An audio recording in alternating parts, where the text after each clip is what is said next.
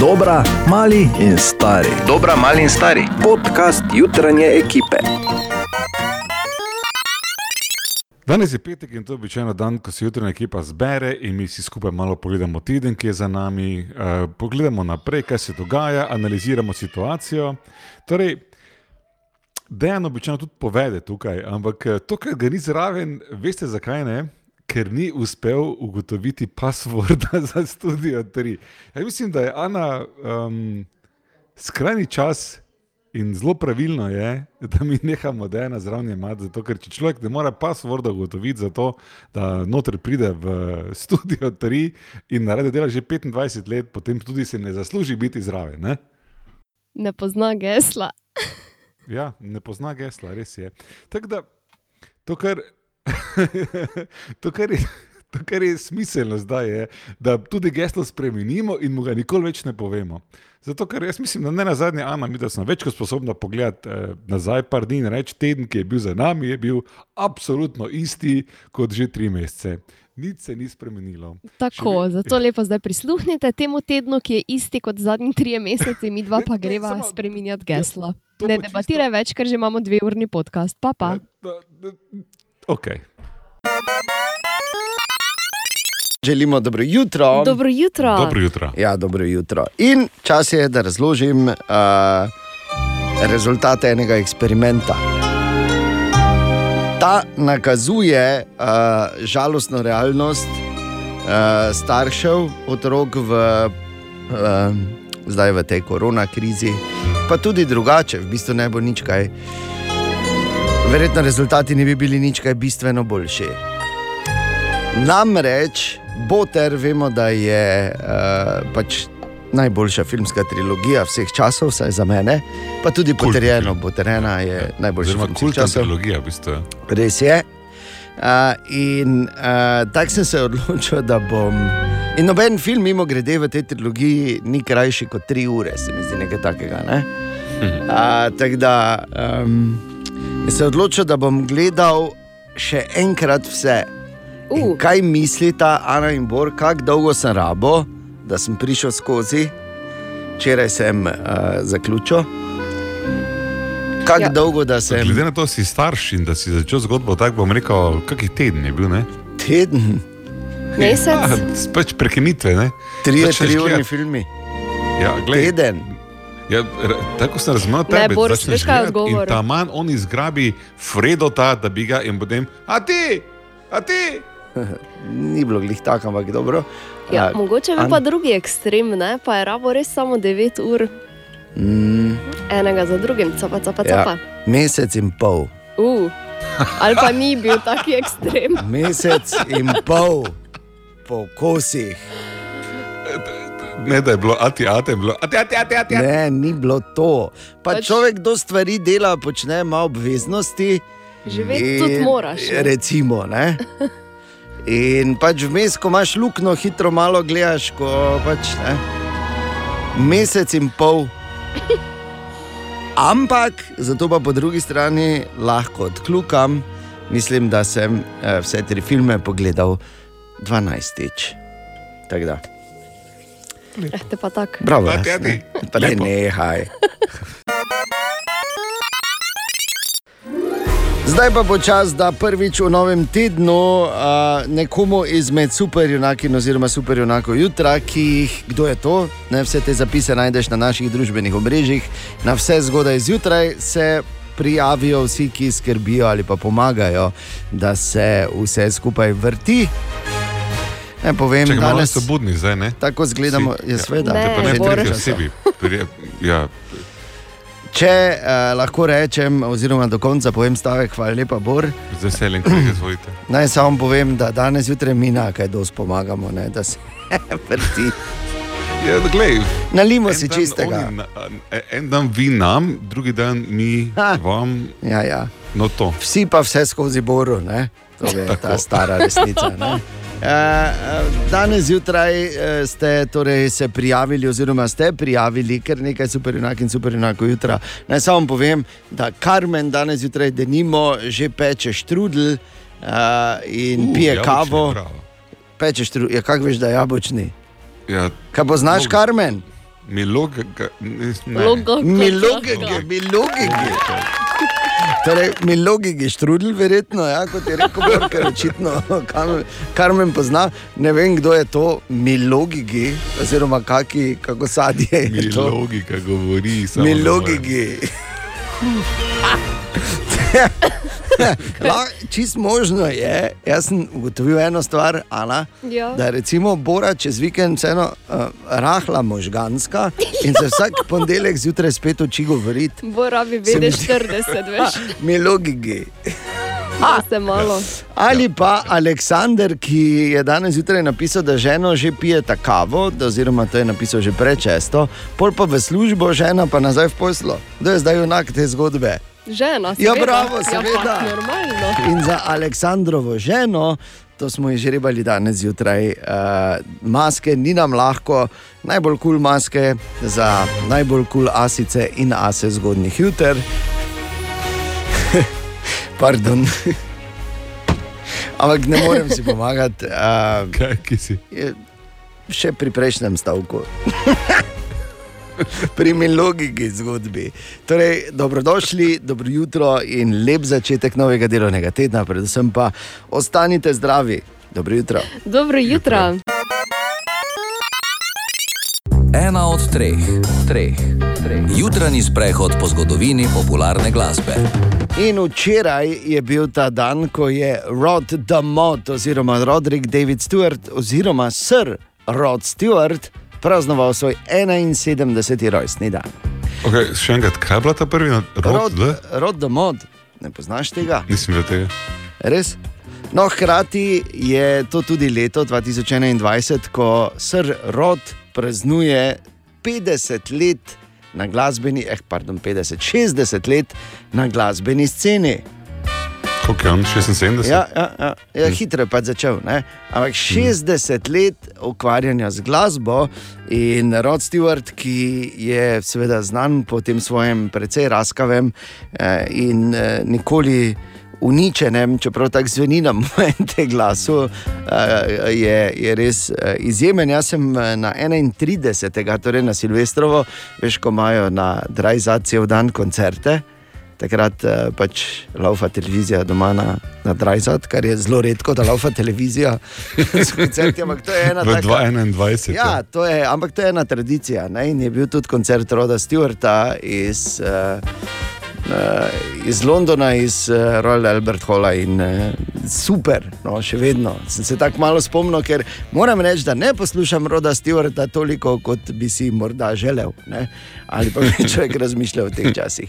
Rod Stewart v teh šestih desetletjih na glasbeni sceni ogromno, ogromno hitov začel, seveda eh, z legendarnimi The Faces, pa je igral v The Jeff Beck Group in na to seveda imel izjemno solo glasbeno pot.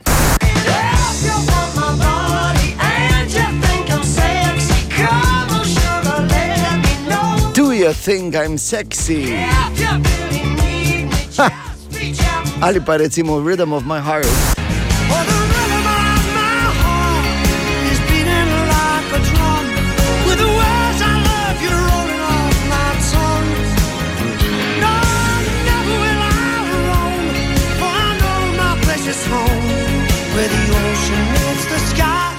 Ta me je zdaj odpeljala na začetek 90-ih, v 70-ih pa je bil verjetno njegov največji hit. Ta.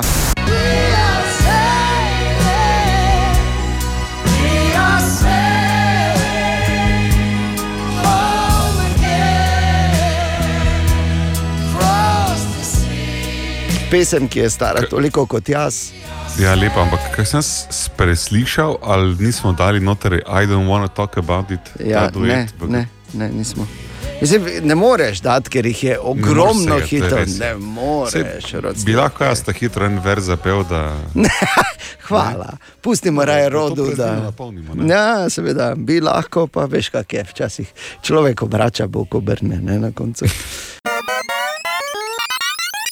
Danes je uh, ponedeljek, 11. januar, dobro jutro. Dobro jutro. Uh, in uh, kolikokrat pogledamo v nebo, ko si rečemo, kako si lahko tako nor, ali pa karkoli. Ne? Recimo, recimo Ampak, ko pogledaš v nebo, lahko vidiš, če imaš srečo, ali pa če veš, kaj gledaš. Tudi, Perceide, recimo, S- Saturn, tako številne nebesne pojave, ampak zakaj bi, ni belunške prstane. zakaj bi mi tako, zakaj bi mi. Belunčke.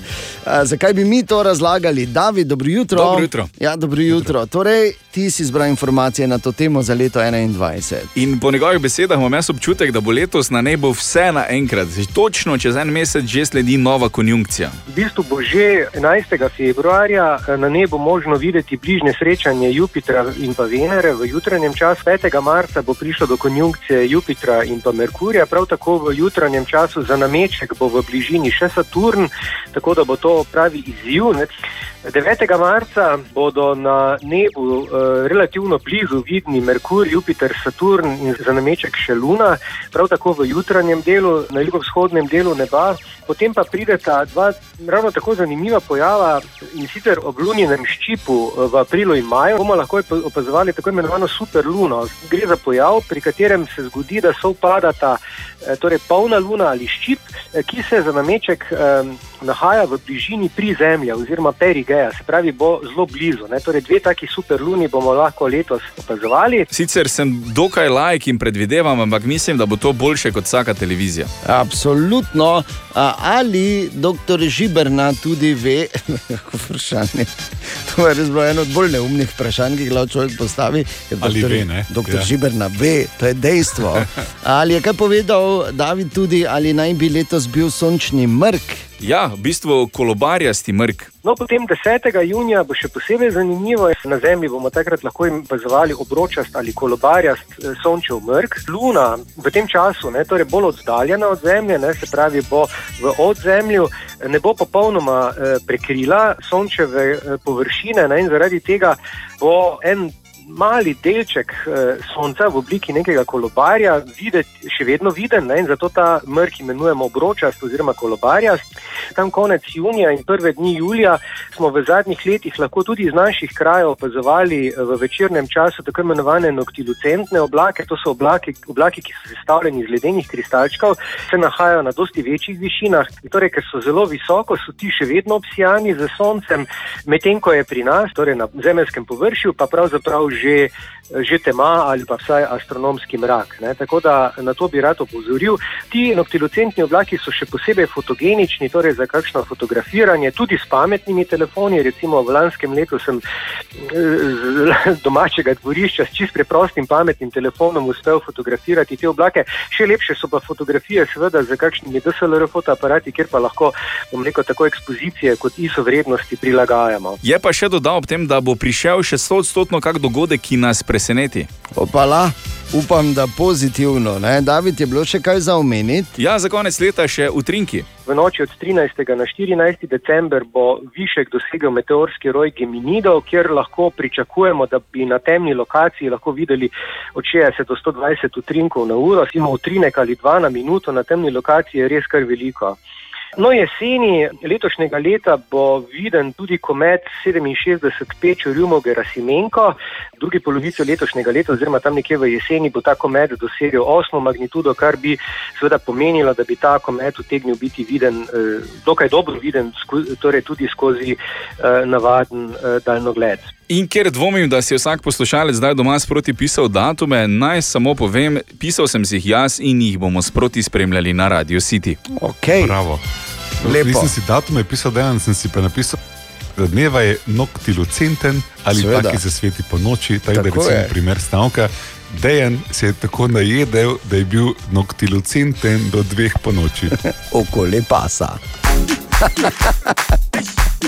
wow, okay, tako da bomo gledali v nebo in pravočasno opozorili na vse, da lahko tja pogledaš tudi ti. Želimo dobro jutro. Dobro jutro. Jutro. In čas bo, na, da nagovorimo slona v našem mestu. Dobro jutro, Bor. Ne, Ne, saj ne. Dobro jutro vsi ostali. tako je, ne, ne, ne. ne. Čas je, da ponovno veš, vedno ko se Maribor pojavi, eh, tako napovedano pojavi v sporedu nacionalne televizije, je to kar dogodek. In tako je bilo prejšnjo nedeljo, ko smo gledali fenomenalni dokumentarec o našem enka Mariboru. In tako je bilo tudi to nedeljo, uh, ko, se, ko je premjero doživela nova uh, kriminalistična serija v primerih inšpektorja Vrenka. Moram reči, da moji občutki so danes diametralno nasprotni tistim prejšnjemu ponedeljku. Um, ampak uh, samo tako bom rekel, nisem niti gledal celo, ker pač nisem zdržal. Uh, pa je zdaj ne na robe razumeti, absolutno uh, podpiram umetnost in sem za umetniško svobodo in dojemanje realnosti. A kot Mari Borčan, vedel sem in to sem napovedal, Borinana lahko Ja, potrdita, lahko da bom imel potrdimo. težavo in da ne bom mogel verjetno gledati. Ampak kot Mari Borčan, veš. Uh, imaš serijo, ki se dogaja v Mariboru, ne, kjer so glavni liki Mariborčani ne, in uh, pač ne govorijo mariborsko. To je- Ne, ni, Ja, glej, to je- organsko ni šlo, probo sem, prva dva stavka, ok, hop, pa smo dali nazaj na rokomet. Hej, Dejan, se dobiva na glavnem trgu. ni bilo glih tak, ampak glej, ne, tako da težko. Verjamem pa, da, da, da si pogledal, da si pogledal, če a, imaš tudi ti kakšna taka. Močna občutja ob tem, ker moramo vedeti, da Demšerve knjige so legenda, zagotovo in jih vsem priporočam, čeprav tu sem tudi imel en, en mini zadržek, ker če je v Mariboru, ne, ne morajo biti eh, primeri inšpektorja Vrenka, ampak morajo biti primeri inšpektorja Vrenkota. Ne. Ker nihče tu ne reče, uh, Vrenka pa ni bilo, ne, ampak Vrenko Vrenkota. ta ni bilo, ne. Vrenkota ni bilo, ne. Če govorimo o neki avtentičnosti, ampak to je Na primer, ne, malenkost. Ampak to je malenkost, tako da knjige res priporočam za serijo, ne morem reči, ker je nisem gledal in je pač, seveda, žal tudi ne bom. Tak pač je.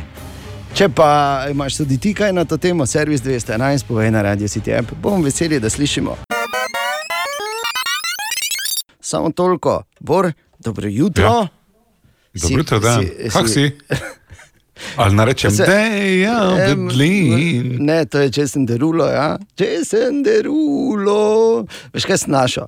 To zdaj moram povedati. Pred, pred nekih starih posnetkih sem, uh, ker pač ne veš, kaj bi delal, ker tako ali tako nič ne delamo, mi na radiju, to je meni da jasno, samo hodimo pa, pa nekaj govorimo. Ne, Hodimo iz prostora v veze, prostor, pa kavo Pa kuhamo samo drug drugemu, ne? Ja, pa se merimo ja. samo nekaj. In pol pač, ko imaš čas in tega imaš ogromno, ker tako nič ne delaš, ne, snašel en stari posnetek. In sicer, to je bilo, veš, kako je to staro. To je staro minimalno uh, 14-15 let. Okay. Uh, posnetek je sam sicer še starejši, ampak pred 14-15 leti je bila faza, ko vsakič, ko smo rekli, ko smo te predstavili, smo rekli: Grajner.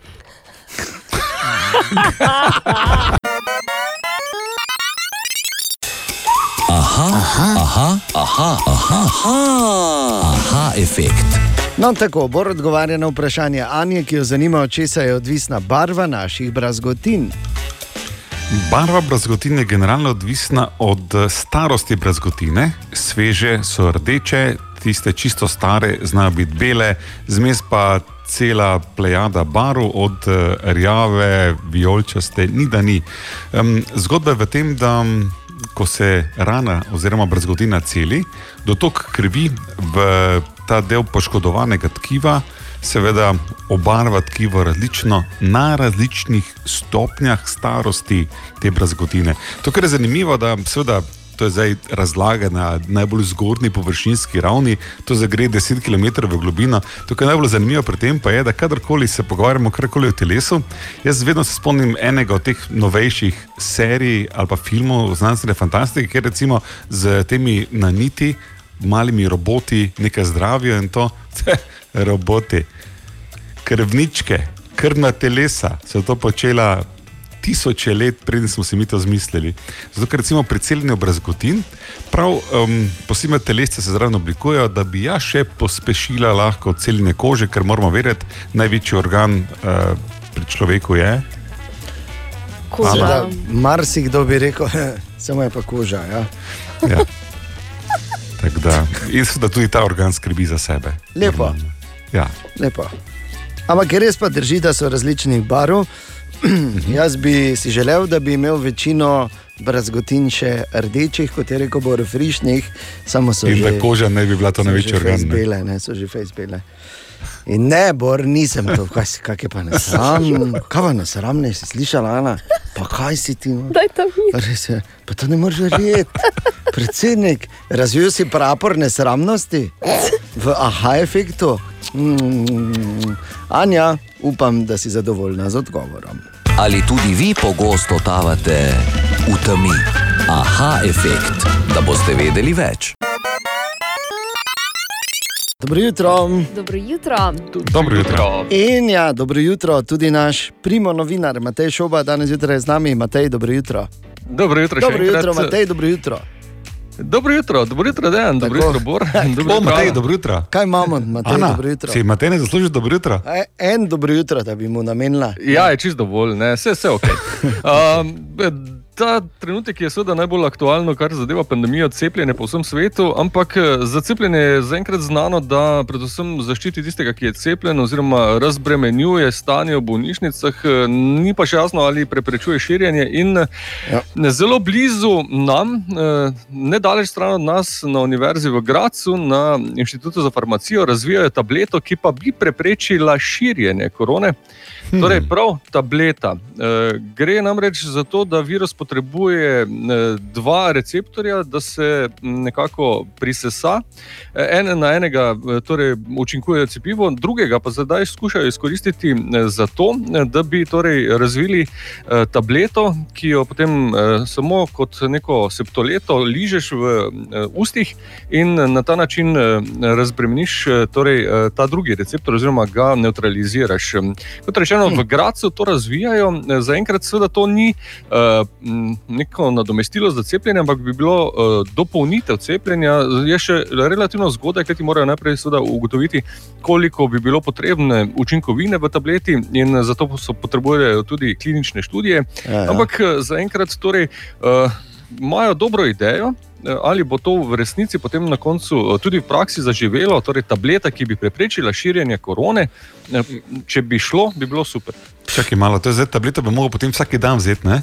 Ja, brško ne bi moral redno, jo, vsaj hm. v tistem času, ko se ši, virus širi. Ja. Ker veš, kaj je tu zdaj že imam, bo kres predlagal teorijo zarote, da ne čakamo na Facebook pa ostale a, omrežja. No. Uh, očitno s cepivom ne dobimo dovolj um, 5G uh, omrežja notri, ne, treba bo dnevno dozo dati tablet. no. pa daj. No. Ja, dobro, tako. Torej, dobro jutro. Jutro. Tako, in vesolje je gromozansko, ne? Gromozansko. Na, Mislim, gromozansko. Vse, kar mi poznamo, je vesolje. seveda. V tem In- materialnem smislu, seveda. Ne, ne, ne, govorimo, ja, govorimo Ker o zavist od fizičnem. nematerialne je še neprimerno večja poč- zgodba. Počasi, Bor, počakaj, ja. pride čas. Torej, zunaj je ogromno planetov, ne? zvest okay. in še več planetov. In zagotovo je v tem eh, res v neskončnem številu planetov, zagotovo eden, kjer velja, da več kot ima denarja, bolj mu moraš verjeti. Ali pa bolj mu lahko verjameš. Zagotovo nekaj obstaja. Ne? Tu je namreč en dokaz, kako, uh, kako ta pač, uh, pravlična premisa ne velja za Zemljo. Kaj ti aprila 2019 je recimo Mark Zuckerberg dejal, prihodnost je zasebna. In naznanil, da bo seveda nov fokus v podjetju Facebook v popolni zasebnosti uporabnikov. Od aprila 2019 do uh, januarja 2021 je v bistvu leto in pol. Tako dolgo je to trajalo, ko je bila prihodnost uh, privatna oziroma zasebna. Kaj ti WhatsApp, najpopularnejši uh, mobilni. Uh, messenger, ne, na nek način, oziroma aplikacija za uh, pošiljanje sporočil, je včeraj, oziroma predvčerajšnjim, eh, pravzaprav petek, uh, torej po našem času, oznanila, da se moraš, če ga hočeš uporabljati, eh, eh, torej strinjati z posodobljeno izjavo o zasebnosti, v kateri se strinjaš, da boš delil vse podatke s Facebookom. In to pomeni, da bo, boš dovolil, če boš uporabljal ali uporabljala WhatsApp, da uporabljajo oziroma to telefonsko številko, lokacijo, a, kaj kupuješ, eh, kaj uporabljaš, kaj gledaš, kako dolgo gledaš, imena tvojih kontaktov, telefonske številke tvojih kontaktov, unikatni eh, identifikatorji eh, tvojih kontaktov in eh, vse to boš eh, seveda delil tudi z Facebookom. Toliko o tem, kako je zasebnost, oziroma prihodnost zasebna. In ko so to dali ven, je najbo, po novem najbogatejši zemljan Elon Musk takoj začel propagando, da, ker je pač Facebook uporabljal WhatsApp.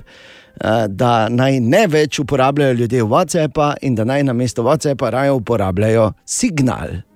Pa, za tehnično gledano na svet ni slab dejan, ampak kako težo ima na svet trenutno najbogatejšega zemljana, se da razbrati iz tega, da so na borzi delnice podjetja Signal poskočile za več kot tisoč odstotkov, samo da to podjetje z borze nima čisto nič z Appom, App je izdelek neprofitne organizacije, podjetje Signal pa je samo zelo veselo. Skratka, signal, ki nima signala, je v bistvu tega, o katerem je govoril. Mask je naenkrat postalo zelo veliko, veliko bogatejše. Je lepo, ne? Ja, ja lepo, lepo. Am, Signal je sicer uh, neprofitna organizacija, ki ga upravljajo, zato je po mojem edini messenger, pri katerem se da verjeti, da pa je privatno, zelo na prvem mestu, ker mimo grede WhatsApp in Facebook Messenger skupaj obvladujeta več kot 80 odstotkov trga messengerjev, tako da hm. vemo, v katerih rokah so vsi podatki zdaj. ne. Ja, res je. Tako da, prvo, kar sem naredil, ko sem vse to prebral, eh, čeprav ga nisem uporabljal, sem si eh, zbrisal WhatsApp in eh, naložil signal. res novca. Slabih pet minut pred pol deveto. Dobro jutro. Dobro jutro. Dobro jutro. Želimo dobro jutro. Dobro jutro. A, Ana Borindejan smo tudi danes zjutraj tukaj, torek 12. januar. Mrzlo je, tako da to moraš vedeti, pripravi se na vse, kar to pač pripelje zraven in seveda previdno, tako peš kot za volanom. E, beseda leta, karantena, kakšno presenečenje. Je karantena, Bor, ne? Ja, karantena. Karantena, to pa res presenečenje. Jaz bi samo rekel, da uh, za mene ni beseda leta karantena, ampak v bistvu niti nimam besede leta. Ampak recimo, no, se vmes najde tudi beseda. Čeprav Ja. dosti tega ne morem povedati, veste.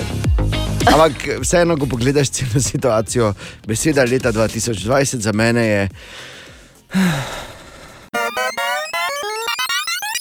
Legendarni Toto in Rosena ob 6 in 22 minut, torej dobrih 5 minut, pravzaprav slabih 8, kakorkoli, stvar je relativna, je rekel Einstein, ne pred pol sedmo. Res je.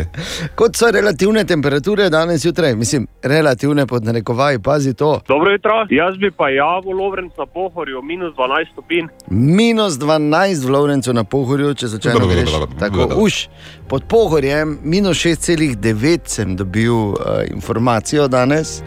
Še kje, kako je pri tebi? Povej, servis 211 ali povej na Radio City app, da bomo točno vedeli, pa Bolj javi se, da vemo, da si živi.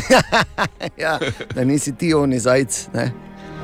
Ko je še enkrat Enkrat skočil, pol pa ga niso Dobro, več videli. Ne pretiravajmo. Ja, sicer pa uh, je te dni, žal, poročamo tudi, da veš, ko je človek uh, tako dolgo zaprt, ko ne ve, kaj bi, pol pa mu rečejo, da za rekreacijo pa lahko greš kamorkoli. In uh, se prebudi avanturist v tebi. Ne? Mislim, že vse skozi je hotel malo Bear Grylls v tebi renčati, pol pa naenkrat naredi. Ra! Zdaj pa gremo, nepripravljeni in brez vseh potrebnih informacij in znanj v pohorsko zasneženo divjino. Ne? Z sloganom, bolj nas smo noter, bolj smo mi hrabri. Recimo. Ja. Eh, In tako so tudi ta pretekli vikend morali reševati na pohorju eh, obnemogle pohodnike. Eh, in to seveda eh, zdaj, ne želimo se hecati, ni, ni fajn. ampak- Resno, iz pohorja so reševali obnemogle pohodnike. Tako je, na Lovrenških jezerih se mi zdi, da je bilo a, v vsakem primeru a, hudič je, ne, če preceniš in potem smo znani, da se precenimo. Ne, če preceniš svoje sposobnosti, zato smo danes zjutraj pripravili nekaj. Koristnih informacij, oziroma jih je zbrala Naja, Naja, dobro jutro. Dobro jutro. Jutro. Na Torej. gorski reševalni službi so najprej upozorili na to, da ljudje premalo upoštevamo pravila gibanja v naravi po zimi, namreč sneg lahko poti prekrije in jih spremeni, če tudi so nam te poznane. Za hojo po snegu pa telo porabi tudi več energije kot običajno. Katere stvari so najpomembnejše pri pripravi na pot, pojasnjuje Ljubo Hansel, inštruktor gorske reševalne službe Društva Maribor. Moramo biti kondicijsko pripravljeni, psihično pripravljeni na to, da se nam lahko karkoli zgodi na poti. Sami ne smemo nikdar hoditi, vedno v neki družbi. Telefon je treba preveriti, ali imamo baterijo dovolj polno. Eh, V takšnih popoldanskih podvigih je treba imeti zraven čelno ali pa kakršno koli svetilko. Prav tako med obvezno opremo sodijo tudi prva pomoč, topla tekočina in dodatna oblačila. Ja, topla tekočina ne pomeni tekočina, ki te pogreje, če me razumeš. Ker da si boš ti pel, uh, rom pom pom, ne, pa počasi zmrzoval zraven, brez signala, nekje v divjini, ni ravno priporočljivo. Ker uh, uh, moraš vedeti, da ko je sneg in je zasneženo, se zelo, zelo hitro zgubiš. Ne, naja. Ker so si poti na pohorju zelo podobne, inštruktor Hansel še opozarja. Treba je predvideti možne zaplete, zaradi tega, ker nismo vsi enako fizično pripravljeni. Nekateri se prestrašijo, v določenem trenutku nastane panika. Takšni podvigi se nam zdijo čisto enostavni, da gremo raziskovati nekam v gost po pohorju. Ne? Tudi za, za tiste, ki so izkušeni, ga ni za podcenjevati. Zavedati se je tudi potrebno, da v zimskih razmerah reševalci za reševalne akcije potrebujejo več časa, te lahko namreč trajajo več ur. In kljub temu, da snežna odeja pohorja sedaj pravlično vabi, se je na zimski izlet potrebno dobro pripraviti. Ja. Res je, pripraviti, predvsem pa se si priznati, se ne rabiš drugim priznati, sebi priznaj. Kako se boš zamislil? Priznavam si, čakaj. ja, to bo dolgo trajalo, dajmo raje en hit. Želimo dobro jutro. Dobro jutro. Dobro jutro. Ja, Ana Borin, da en smo tukaj in ja, br, to je verjetno prva reakcija. Tako bor, na samo na kratko. Ne, tak pr, pr, Kako se najdeš Ja. ti? Ja. To Takoj. pa res, tako je. V Bor je, vsem. bor je v vsem in povsod, to pa bi jaz zdaj že lahko vedela. Ne? Je pa res, da uh, je zanimivo, včeraj je bila objavljena tudi uh, prva izjava. No, včeraj, včeraj sem jaz videl, možno da je bilo objavljeno prej, ne narobe razumeti. Kaj je rekel Musk, ko je izvedel, da je najbogatejši zemljan? Če za res, njegova izjava je bila, hm, kako ne navadno, tri pikice, no, nazaj na delo. Ti zveni znano, Bor? Temperature zunaj še vedno zelo nizke. E, najbolj hladno jutro, zagotovo v letu 2021 ali pa kar v tej sezoni, temperature ponekod po Sloveniji, danes zjutraj tudi minus 13, minus 15, minus 18 stopinj, da nimo uh, v blokah, minus 17 na jezerskem, minus 12 v šentilju in tako dalje. Torej nizke temperature, kar pa ne pomeni, da je to nujno slabo. Spomni se, vedno imamo zamenjanje informacij za informacije. Ne, nisem še sploh dal informacije, čakaj. Dobro, dobro. Spomni se, kako smo poleti bentili, ko je bilo toliko komarjev in tega marja. Ja, prav, jaz prav bentim. Ja. Res, tak, Bo uh, to zdaj šlo? bentim. Kaj bi šlo? Ja, zaradi temperature. Ja, ne vem, bomo videli, zagotovo bo zdaj nekaj gamati pocrkalo. To je Lahko prvo. bi hrt šel z vrta. ne, to se ne bo zgodilo. ne bodi požrešna. No. A, drugače pa a, je, so te nizke temperature v redu, tudi če bi rad kako deko ali rada kako deko odvrgla ali odvrgel, ker že kratek sprehod v teh nizkih temperaturah deluje praktično dvojno. Ker je jasno, da zaradi nizkih temperatur se krvni obtok pohitri, eh, zato da eh, ohranja ne, pač telo telesno temperaturo primerno za življenje. In zato se pokuri tudi več kalorij. Skupaj te potegne na kratko. To je res, ja. Sem, to, kar meni dvigne adrenalin, pa temperatura, je, da je včeraj v Atenah bilo 22 stopinj. Ja, ponekod na soncu tudi do 31, Ja. ja. imeli so prodor vročega zraka iz Afrike, kaj češ, ne? In Tam je nenavadno. nismo Tam, ne? Ne, pa daj ne. Tako tako bi si mogel zdaj vse sam, ker že prej niso nič delali, zdaj pa še manj baje, Res je. ko je karanten. Želimo dobro jutro. Dobro jutro. Ja, in eh, danes je že 12. januar, leto je 2021 in eh, poglejmo, ja, no, kaj Ko si tako leto teče, mislim, tako tečejo ti meseci, ni slabo povedati, kje leto je. Ja. Ja, seveda. In uh, seveda je treba preveriti tudi, sploh zdaj v tem zimskih dneh, bo morda ta informacija prišla prav, kateri filmi bodo v letu 2021 stari 30. Seveda, če se po 30 letih še spomnimo filma, pomeni, da je mogel biti super, da je iz časov mladosti naše generacije in uh, da je seveda vreden, da se ga spomniš ali pa ga še enkrat pogledaš. Okay, gremo po vrsti. Boys in the Hood. Legendarni, legendarni film, ki je pomenil nekako začetek uh, Ice Cubove uh, igralske kariere. Boys in the Hood je res vrhunski in Kuba Gooding Jr., seveda v glavnih vlogah. Uh, Zagotovo, če si ta film še nisi ogledal ali ogledal, to je definitivno mora biti na seznamu. 30 let bo recimo legendarna uh, komedija Shots. Smo gledali Shots, Bor Kimanje na radiju ne deluje. Ja, neprepričljivo kimam, čakaj, mislim, da sem gledal. Ja, Charlie Sheen, veš, ko se delajo norca iz vseh filmov. Ne? ja, ja, ja seveda sem gledal. Ja, gledal, Hačac ena pa dva. No, vidiš, da veš. 30. rojstni dan praznuje recimo v letu 2021 tudi Hook. Uh, legendarna Spielbergova vizija Petra Pana, v glavni vlogi seveda Robin Williams, uh, ki je igral Petra Pana in pa legendarni Captain Hook, ki je bil Dustin Hoffman. Tako da res vrhunska, vrhunska adaptacija te klasike. Pa recimo še en vrhunski film, saj za me, Martina Scorseseja, Cape Fear z Robertom De Nirom v glavni vlogi, eh, bo star 30 let. To bo recimo Boru všeč, originalna risanka Beauty and the Beast, bo tudi 30. Zakaj samo strmiš zdaj? Ja, ker ne vem, ne, ali zdaj, kaj naj mu rečem pametne. Ker razmišljam no. o teh filmih, pa vse, kar se spomnim zdaj, je, da me zanima, koliko so Ghostbusters stari. Uh, oni so bili lani. Ni bilo lani to, lani ja. so bili 30. Beauty and the Beast, to sem jaz še v Partizanu gledal, se spomnim.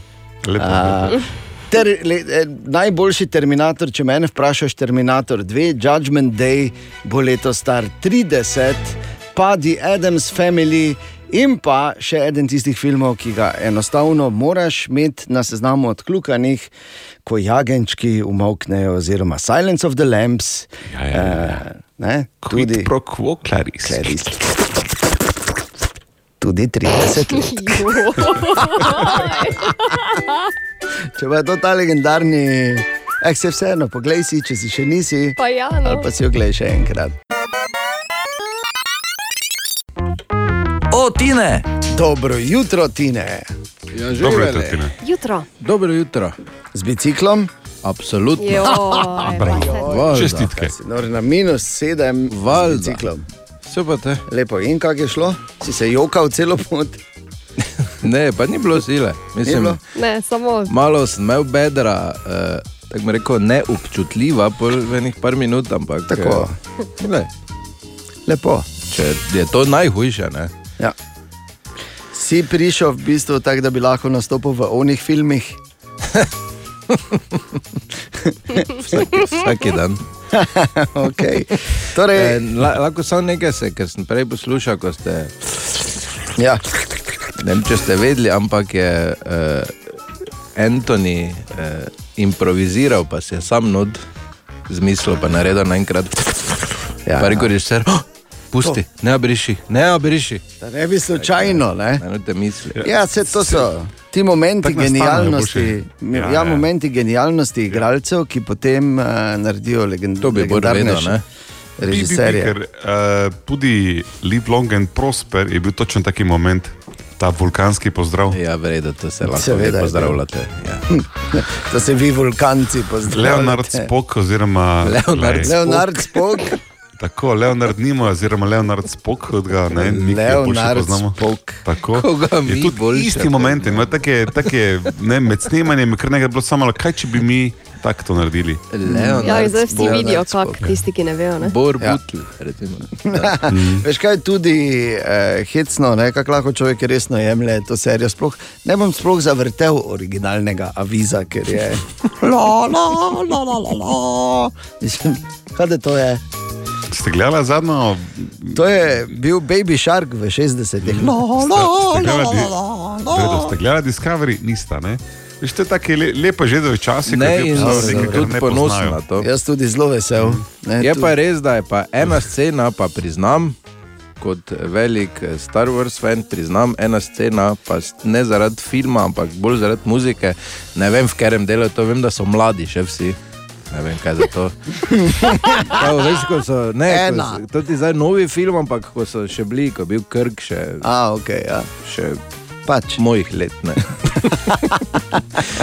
Ko je, ne vem, sedem milijard nekih malih eh, vesoljskih ladij, ladij jih je napadlo, pa so ugotovili, da jih neka frekvenca uniči, pa so eh, sabotaž od eh, Beastie Boysov. Zavrteli. In to na glas, da je po celem vesolju odmevalo, tisto pa res, tisto pa je res genialna scena. Res. Sploh genialno, da je odmevalo po vesolju, Zakaj ker je vakuum. ne, zakaj Bor ne sodeluješ? Je zato, ker ne prejem zraven, to je iz Star Trek Beyond uh, uh, ta scena.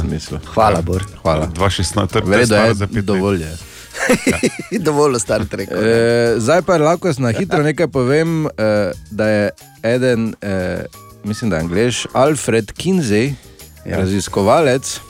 Zakaj je šel to raziskovati, ne me vprašati, pa kak je raziskoval, še manj me vprašati. Ampak ugotovil je, da samo dva do tri moški od tisočih so sposobni avtofelacije. Lepo. Lepo. 19 minut pred Danes je že torek, 12. januar. Dobro jutro še Dobro enkrat. Jutro. In da bi hitreje minilo, uh, poglejmo, zdaj, če uporabljaš Netflix, bo ta informacija super. Kaj bo novega ta teden na Netflixu, uh, da ne bomo samo gledali uh, to. Um, samo Televizijo? Ne, ne, ne, ne, ne, ne. ne, ne Kjer je program, kar povej? Ne, ni program, o Netflixu govorimo in to je uh, moja žena, to zdaj ful gleda. To najpopularnejšo serijo ta trenutek. Uh, jaz uh, se delam. Se moraš spomniti, katera je. Ne? Ne, vse vem, samo ne bi rad na robe rekel, pa bom. Bridgerton, Bridgerton, tako A, je. okay, okay. Da ne bi Bridgerton samo gledali, naj te spomnim, kaj vse ta teden pride na Netflix. Danes, jaz moram reči, tega veselim že nekaj časa, novi stand-up od Krisa Roka, imenovan Total Blackout, verjetno je že gor. Ampak da ne bi slučajno, dokler ne prideš domov, ne v službi gledati, kako bi to bilo, ne v službi gledati. Zdaj sem tako žugal s Je prstom, žugal, veš. tak, tak, tak, A na tebi. A meni, jaz Seveda. Ta teden pride recimo v petek in to bo zdaj eno, uh, en spomin na konec 90-ih, Dawson's Creek oziroma simpatije, kot so to prevedli v slovenščino. Eh, Ta serija, ki je izstrelila Katie Holmes in ki so jo takrat v 90-ih vsi gledali, in, oh, kako je to bilo fajn, kako je to bilo lepo, kako je bilo to romantično. Ali pa recimo v soboto. Uh, ta malo drugačna biografija o Eltonu Johnu, Rocketman, tudi na Netflixu ta teden. Tak, enih par stvari, samo zato, da ne bi samo Bridgerton gledali. Ne? Čeprav pravijo, da ima Bridgerton, ki je ta trenutek najpopularnejša serija eh, na Netflixu, eh, nepredvidljive efekte na ženske gledalke. In hiter pogled, Mhm. Bridgerton, trenutno številka dve v Sloveniji. Aha, no, pa številka ena na Netflixu ta trenutek. Glej, kar je plus pri tej seriji, je, še čakam, da mi povejo. Nizke temperature danes zjutraj, niso vzele našega primo novinarja Mateja Šobe. Matej, dobro jutro. Je pa res dobro jutro, Jutro. da so marsikje v Sloveniji danes dobro jutro dosegli rekord zadnjih dveh let, recimo od februarja 2018, ponekod ni bilo tako mrzlo, kot je bilo danes zjutraj. Ja. Najnižje je bilo na Babnem polju, to ni nobeno presenečenje, minus 19, danes zjutraj ob sedmih. Za primerjavo v Mariboru, na Mariborskem letališču so izmerili ob sedmih zjutraj minus 8. Minus 19, torej na Babnem polju, potem pa eh, recimo bloke ali pa zadlog minus 18, Rateče minus 17, eh, Jezersko minus 16, Gornji grad minus 14, to so bile res nizke temperature. Kot rečeno, na zadnje je bilo tako hladno eh, lani januarja, ponekod, ponekod pa celo februarja 2018. Poklopilo se je, namreč številni dejavniki, ki na to vplivajo, razlaga Blaž Terver, naslovec iz Agencije za okolje, ki so se danes nekako m, sestavili in eh, poskrbeli za to res mrzlo jutro. Za tako hladne noči potrebujemo seveda jasnino, suho in hladno zračno maso in seveda tudi snežno odejo, tako da so se danes eh, vse skupaj kar poklopilo, čeprav bi, kot že rečeno, ob nekoliko šipkejšem vetru imeli še na nekaj stopinj niže temperature. Hvala Bogu, ni pihalo, bo pa znova tako hladno, napovedujejo v petek zjutraj. Tako, da se lahko že samo v petek bomo že utrjeni, ne bo isto kot danes. Ko je Eh, bilo. to- to si ti misliš, Petek nič bomo, novega. seveda bomo, kaj si naročamo trdi petek. Uh, če ne Ja, drugače trdi bomo, mraza. Želimo dobro jutro. Dobro jutro. Ja, dobro jutro. In uh, zdaj 13. januar, sreda 13. Ne vem, kaj bo zdaj. Uh, ni ravno petek 13. je pa sreda. In to je, se mi zdi, dovolj velik razlog, da ti Bor postavi eno vprašanje, ki ti ga verjetno še noben ni. Okay. To je vedno dober začetek dneva. Ne? Ana, si pripravljena? Mm, Ne Ker to vem, bo če zdaj. sem dovolj lahko tu. Ne, ne, brez. Recimo. Tu ni, to je zdaj čisto resno vprašanje, ki ga še Boru nihče do zdaj ni zastavil. Pa vemo, da so njemu zastavljali vprašanja velikani kot so Da Vinci in tako dalje. Ne? Okay. In črpali ideje. Koliko triatlonov si že dal skozi?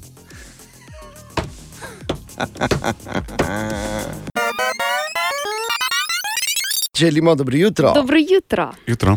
Ena stvar pa je, na katero uh, smo pozabili opozoriti včeraj in moram danes popraviti to napako. Včeraj je bilo točno 40 let od premjere dinastije. Te uh, Ana seveda ne more vedeti, ker se je rodila po dinastiji. Če razumete, ne, niti ne krepko po. Končala se je serija. govoril? Končala se je serija leta 1989, tako da. Ampak prav včeraj je praznovala 40. rojstni dan, torej leta 1981. Eh, Na 12. januar je bila premjera te kultne serije o bogatih Carringtonih, o Blakeu Carringtonu, o njegovi ženi Kristel, ki jo je igrala Linda Evans, o spletkarski eh, Alexis, ki je igrala John Collins, pa o J.R. Jaz se vse to spomnim. To je, Spomniš, prav- ne? Ja, valjda. Vrhunsko. Uh, vidi se, da je ta serija res iz enih drugih časov, ker če bi to danes delali, eh, zagotovo ne bi bilo tako uspešno, ker moraš vedeti, da eh, dinastijo so začeli snemati zato, da bi eh, bila konkurenčna takrat že popularnemu Dallasu, to je tudi bila serija. Ne? In uh, uh, v, v Dallasu. Uh, oziroma, dinastija, prvo sezono, recimo, sploh ni bila popularna, pol pa počasi, počasi, počasi. In šele štiri leta po premieri je postala serija številka ena v Združenih državah Amerike. Ki bi danes imeli tako potrpežljivost, kaj zdi nor? Po pol leta bi že bilo. Ja, dio, po dveh delih. Kaj? A, dio, pojma nimaš. Skratka, dinastija in še ena stvar uh, povezana z dinastijo. Če ne bi bilo Linde Evans, ki je igrala Kristel, verjetno ne bi imeli Barbie Lutke.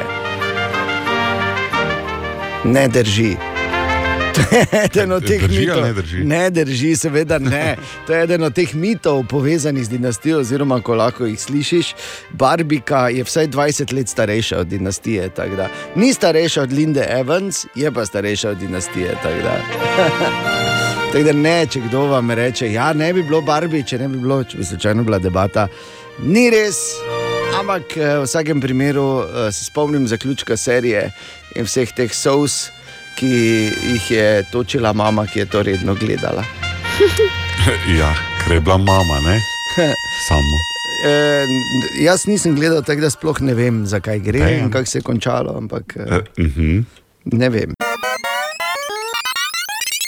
No, glede na to, da je sreda, pa se mi zdi, da je to uh, ena super priložnost za eno malo drugačno vprašanje, pa da malo podebatiramo.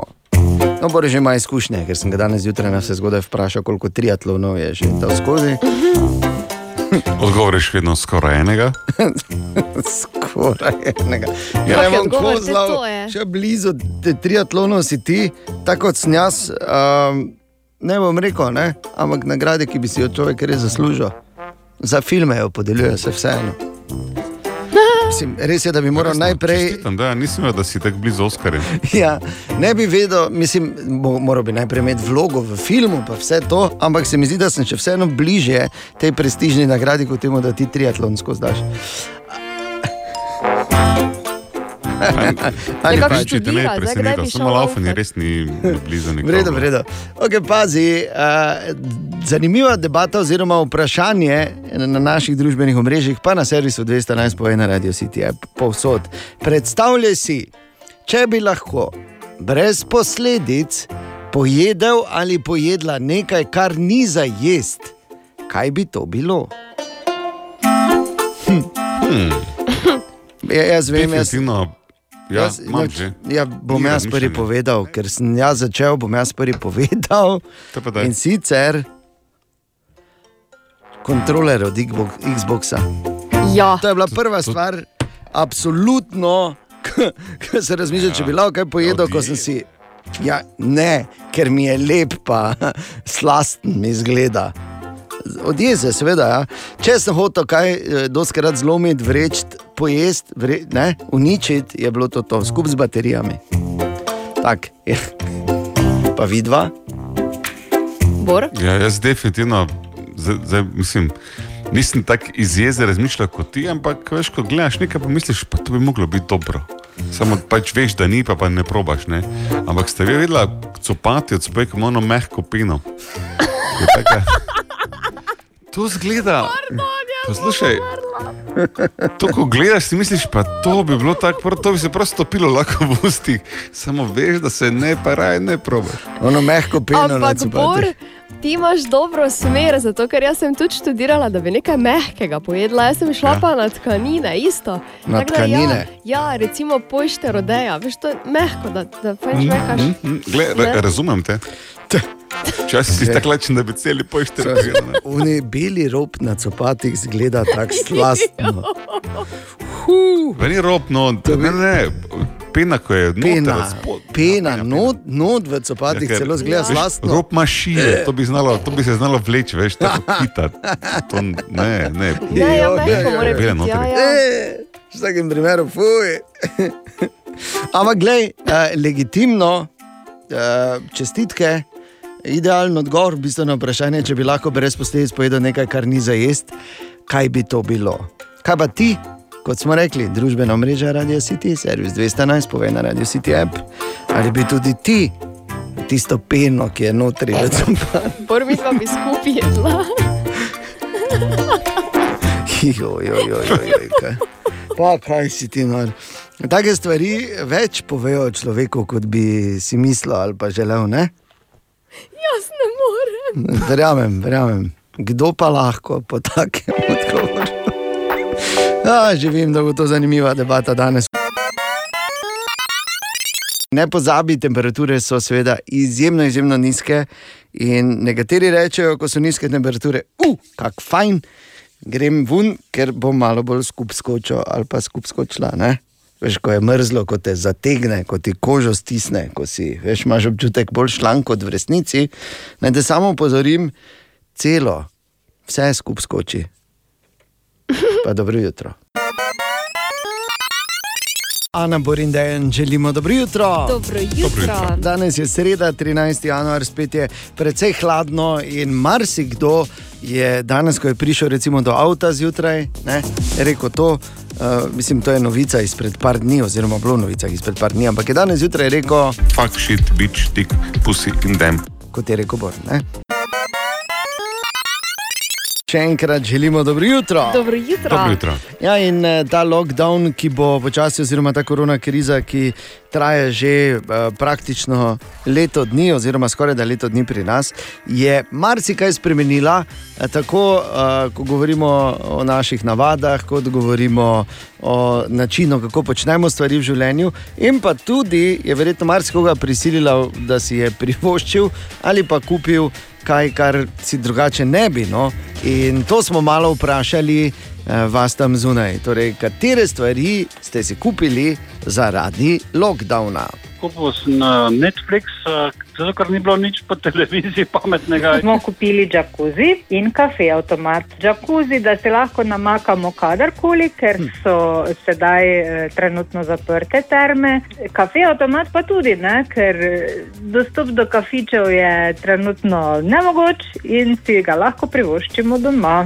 Pride tiskalnik, ker uh, to je bila dolga želja že. Otroci so zelo veseli. Ping-pong mizo, da smo si lahko skrajšali čas, da nam je bilo tečno. Ja, z narom, ki je bil namenjen za fitness, sem investiral v kavč investicijo in sicer Xboxa. Tako da zdaj se pridno redim, na mesto bi hujšal. Sem uh, Weber žar, to med karanteno, pa to nisem si imel kaj za začeti. ne. Pivomat sem se privoščila letno naročnino Jeruzalemskih goric, ker se mi zdi pomemben sponzor mojega psihičnega zdravja. Kupila sem sobno kolo in sicer v bistvu zaradi tega, da bi se gibala. Trenutno se pa na njem nahajajo oblačila in pa nekaj prahu. Letni Dve abonma. posebni nagradi imam, ne? tega, ki je fitness za kavč zamenjal zaradi Ne, za Xboxa, tega- Xbox. Fitness ja. je Ja. za Xbox zamenjal, ne, Ne, za kavč. je- je pa Kavč investicija. omenja, ne? ne, kavč investicija je Xbox. Dobra. Ja, ja, ampak kavč in Xbox na mesto v fitness se mi zdi, Ja. ja. da je vredno posebne pozornosti in malega Ja, če ne moreš iti fitness, kaj boš? Ja, no, Xbox ne, ampak tak, eh, gospa, ki pa je rekla, da je Jeruzalem, kaj, kaj, da to je vino ali pivo. Kak, Jo, zakaj kak lahko to Ja, vprašaš? da razumem, no. Kap me bo. Pa dobro, Borna. Jeruzalemsko-ormoški vinski okoliš je eden najbolj priznanih v Sloveniji. Drugače pa Ampak- pivo, ja, za tebe. To obstaja uradno ja. naroč, naročnina na jeruzalemski okoliš. ali- Včasih je treba malo uh, razmišljati, pa razumeti tudi Veš, abstraktno. Ali pa je samo izjemna šeljivka, pa bi izdal prav posebno nagrado. Ja. Vse me je strah vprašati, v bistvu, kaj si pa ti kupil, glede na to, da je tu že to, Ja. takih, takih zapletov prišlo, samo s tem, kaj so ljudje povedali. Ja, no, se pa veš, da paketi prihajajo nenehno. To, to ni. Ja. Se reka, edini, ki je bil vesel, zares vesel, da je Amazon oziroma Bezos eh, investiral v lastno letalsko linijo, oziroma v lastna tovorna letala, je bil Bor. Ne? Ja, če bi se kaj poznalo še v Sloveniji, kjer nimamo prajma. Ampak uh, Se bo. Na stran, eno stvar sem pa res kupil zaradi korone. Uh, nadgradil sem roko za mikrofon. Kaj pa to? Lepo. Ja, vem. To je ena zelo koristna Zdaj, stvar. tako je Fedra je znotraj skrita in prav ja. lepo zgleda. In potem je še pa Natalija doma, ker mi šivamo od, se mi zdi, januarja že v eno nekaj, ja. naprej maska. No, no, tako prevleko za prah mi naredila, da ko se zloži, samo dam preko z dvema zankicama, gor primem fup, in spustim in sem tak. Ah, Lepo. Prolever. Super. Oh. Ne morem verjeti, jaz, če bi lahko, res bi prosil, Bor, vzami si čas, pa začni vse te stvari snemati, ker včasih ne morem zaspati, pa bi si dal vuhe. 13 minut čez sedmo. Dobro jutro. Dobro jutro. Torej, danes smo štartali eno debato na naših spletnih uh, omrežjih, eh, družbenih omrežjih, na spletu. Tako, ja, počasi bom od vsega tega terorja, kako moram te stvari imenovati, bom klonil Ja, več. res je, ker, ker čujem Katja v ušesu, ko mi pravi, ne socialna. Družbena! Družbena! Družbena! Ne, ne. Ne, ne, ne, ne, ne. Ne, družbeno! Družbeno. Ja, be, be, be, be, be, be. Upam, Zdaj, da kot kar je, odkar, odkar je prek Murka tudi ne ugotovila, več ni. Slišim samo tebe, tebe, ne, be, be, be, ne, be, be, be, be, be. Ja, jaz tudi. A, ok, pazi, a, debata jutra je, če bi lahko brez posledic pojedla ali pojedla nekaj, kar ni za jesti, kaj bi to bilo? Bor je danes zjutraj presenetil s tisto mehko peno. Mehko rumeno peno v copatih, ker zgleda, to bi moglo biti sladko. Ne? To, zakaj to ni sladko, je, se mi zdi Se si lahko absolutno cuker narobe. daš gor pa. Ja, štavcu, ker si daj gor. Ker je v copatih, bor za to. Ja, v copatih so ja, tudi veš, noge. Kot da bi, jo- kot da bi si stopilo lahko. Okay. In kaj ste kaj napisali? Uh, torej, poslušalec, ki ima zanimiv uh, nik, Jack Pisov, je napisal gume od avta. Zakaj bi te gume? Ja, ker je tudi avta? mehko, jaz ga razumem. Jaz Mehko? Vsemi, ki imate radi mehko. Gume od avta glih niso mehke, ne? Jo morajo zdržati na desetine tisočev kilometrov. Malo bolj. Malo bolj zgleda mehko, ne ker je guma. Okay. Denis je napisal purpeno. E. Purpena, s katero sem si, ko sem na zadnje strokovno uh, apliciral, sem si uničil eno trenerko. Ja, ne. Povem pač, da se ne menimo, da se ne menimo, ker nikoli ne smeš uh, purpeno delati, z- sploh če ne znaš, eh, brez rokavic. Tri dni nisem Ja. spravil hudiča dol z rok. Ja. In pa, Poznam, vse to poznam. Ja, in pa recimo, je, če bi lahko brez eh, posledic povedal nekaj, kar ni za jesti, kaj bi to bilo. Je eh, poslušalec Jože napisal ono mast, ko teče dol pri traktorju. Ja. To veš, jaz si prav predstavljam, si kako stoji pri, pa reče, hm, tako gleda, si misli, hm, hm, ne, kaj, kak, kaki okus te more to imeti, ne. Prosim, ne, ne, to je samo stvar debate in uh, zanimive stvari uh, beremo in poslušamo, da, uh, če bi tudi ti povedal ali povedal, bomo veseli. Če bi lahko ja. brez posledic povedal nekaj, kar ni za jesti, kaj bi to bilo. Servis 211, po ena radio City app in pa na vseh naših družbenih omrežjih. O, Tine! Tine, dobro jutro. Ja, dobro jutro. In kar Zdravo, takoj Tine. vprašanje iz naše debate danes, Tine, če bi lahko brez posledic pojedel nekaj, kar ni za jesti, kaj bi to bilo? To sem zjutraj že slišal nekaj, da Si ste se razmišljal? Menili, eh, mislim, se nimam kaj dosti razmišljati. Zdaj, dve stvari sta, ko sem bil mlajši, oziroma manjši, sem bil trdno prepričan, da milo mora biti res Ful dobro. Tako lepo diši. E, Ja, ne, pa ni, ne, ker sem ga celo probal. valjda sem ga probal. Probal si milo. Eh, Ja, drugače pa uh, zdaj to, kaj hoče Bor jesti, tu se ne bom spuščal. to. Ah, jo, ogabno. Eh, res ne. Belo peno v copatih. Možnost je še, da je nekdo dva meseca hodil no, z njimi pred nami. Tak, ja. V bistvu imam to eno malo žalostno zgodbo, kako je do tega odkritja prišlo. Ne, Ker ne, čisto, za- čisto ne. nove copate, v bistvu, ampak Pa si jih pojedel. Ene stvari se ne perejo v stroju. Ne? Ja, no, in so se od spodaj odprli, zdaj ta pena vunglja. In, tak, In te tako mami, ne? Še hujše je, ko kosi ležijo, veš, ko hodiš, pa imaš tak en košček tu, košček tam, pa si misliš, pojedel, Še kot miška za sirom, ne? Ja. Kot da jagode. 700 gozdne. evrov stanejo novi copati.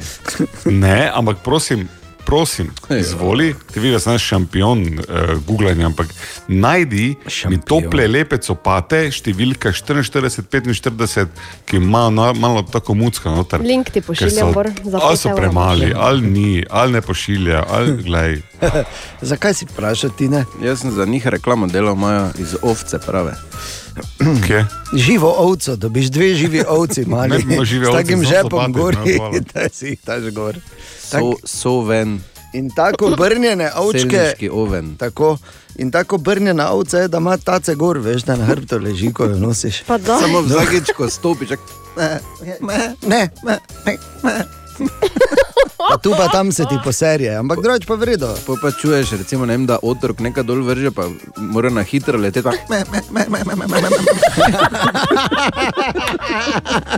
ali, pa, ali pa pride domov zvečer, to zdaj ne v teh časih, ampak drugače, ne? ko se malo zavleče, pa da žena ne bi čula. Tak, ne, ne, ne, ne, tu imaš. Soben ima čudovite izdelke in volnene copate iz filca Evo. Ja, Lahko bolj to- nisem tega skal. Ja, kaj to ne moreš pojesti, ne, Bog, daj mi. Filce ne je. Okay, tine, ko si večji, pa Eh, Ko sem večji, pa uh, bi v tvojo smer mogel iti, sicer ne uh, kontroler od Xboxa, uh, sem pa bil tik na tem, da enih 47 krat že televizijo požarem. Lepo. Med fuzbalom, ne? Fusbal, rokomet, odbojka, košarka. Kolesarjenje. te- Dobro. Te boš bolj počasi, jaz ne. ker- Tako da, ja, televizija bi povedal. Okay. Kaj vas zanimivo danes imamo? Kako? E, poznamo pritlikave šimpanze. Ja. ja. Osebno ali Da ne bi, Bor, da ne bi. Bonobo je tudi uh, izraz za pritlikavega šimpanza okay. in um, v bistvu so uh, najbližji sorodnik nam. Mm. Uh, ljudem in sicer oni imajo, uh, živijo v miru, skupina vodijo jih ženske. Hm. Najbolj, eh, kar pa me je fasciniralo, oziroma kaj bi lahko malo povzeli, recimo, oni vse konflikte, ki imajo, rešujejo z seksom.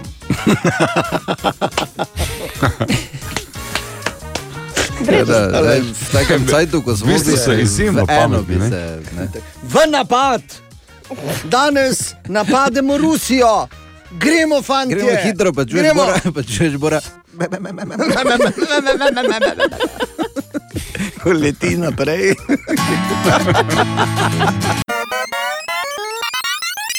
Če bi lahko pojedel nekaj, kar ni za jesti, brez posledic, kaj bi to bilo? To debatiramo danes zjutraj eh, na naših družbenih omrežjih. In uh, mislim, vprašanje časa je bilo, kdaj bodo uh, proizvodi za nego in kozmetiko in kozmetika prišli v igro, kaj ti Jo, ene multifenili. kreme z obrazkom ima to gostoto, malo tak ne. Kaj to Misliš, labela? to bi. Ne, Okej. ne, labela. Labela je to za te kreme, ko, tako, ko, si, tako, ko bi se na žici malo potegnila, kot ona krema iz iliha. To, tako, te še ima pa to.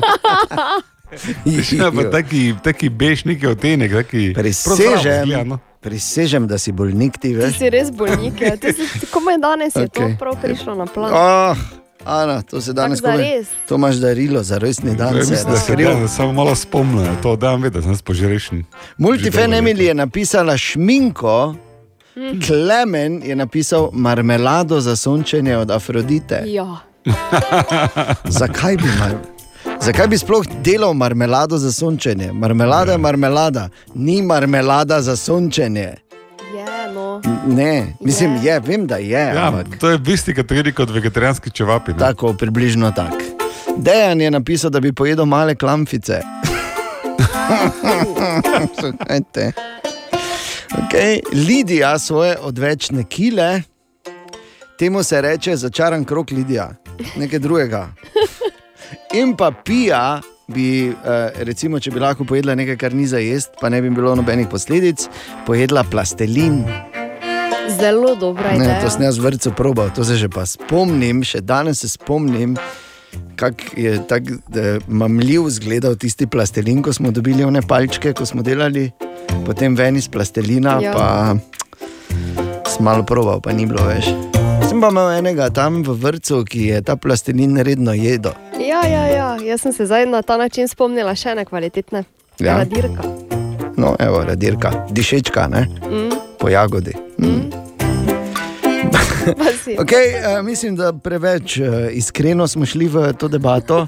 Povej ti, kaj bi, če bi uh, lahko pojedel nekaj, kar ni za jesti brez posledic. Kaj bi to bilo, servis 211 po ena radio City app in na naših družbenih omrežjih. Poslušaš jutro na radiju City, Ana Borin Dejan, smo tu, želimo dobro jutro. Dobro jutro. Dobro jutro. Prvič po letu 1988 se bo zgodilo, da se bo znižalo število prebivalstva v Londonu. David Gorinšek, dobro jutro. Dobro jutro. Ja, torej bo tako praviš? Ja, po raziskavah sodeč to drži, kar 300 tisoč prebivalcev manj naj bi imela britanska prestolnica kot lani ob tem času, in prvič, torej po 30 letih, bodo zabeležili padec števila prebivalcev.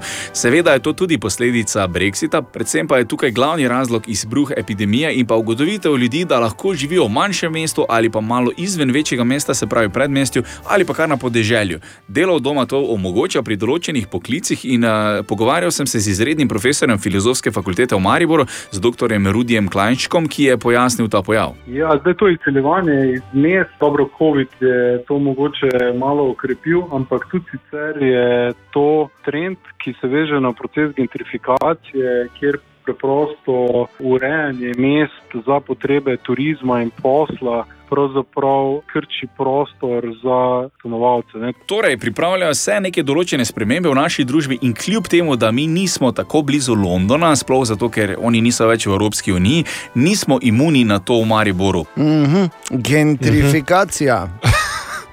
Profesor Klajnček pričakuje zaplete. To bo spremenilo naravo dela, ne, ki se itek že spremenja, torej ta prekarizacija, manj gotove zaposlitve.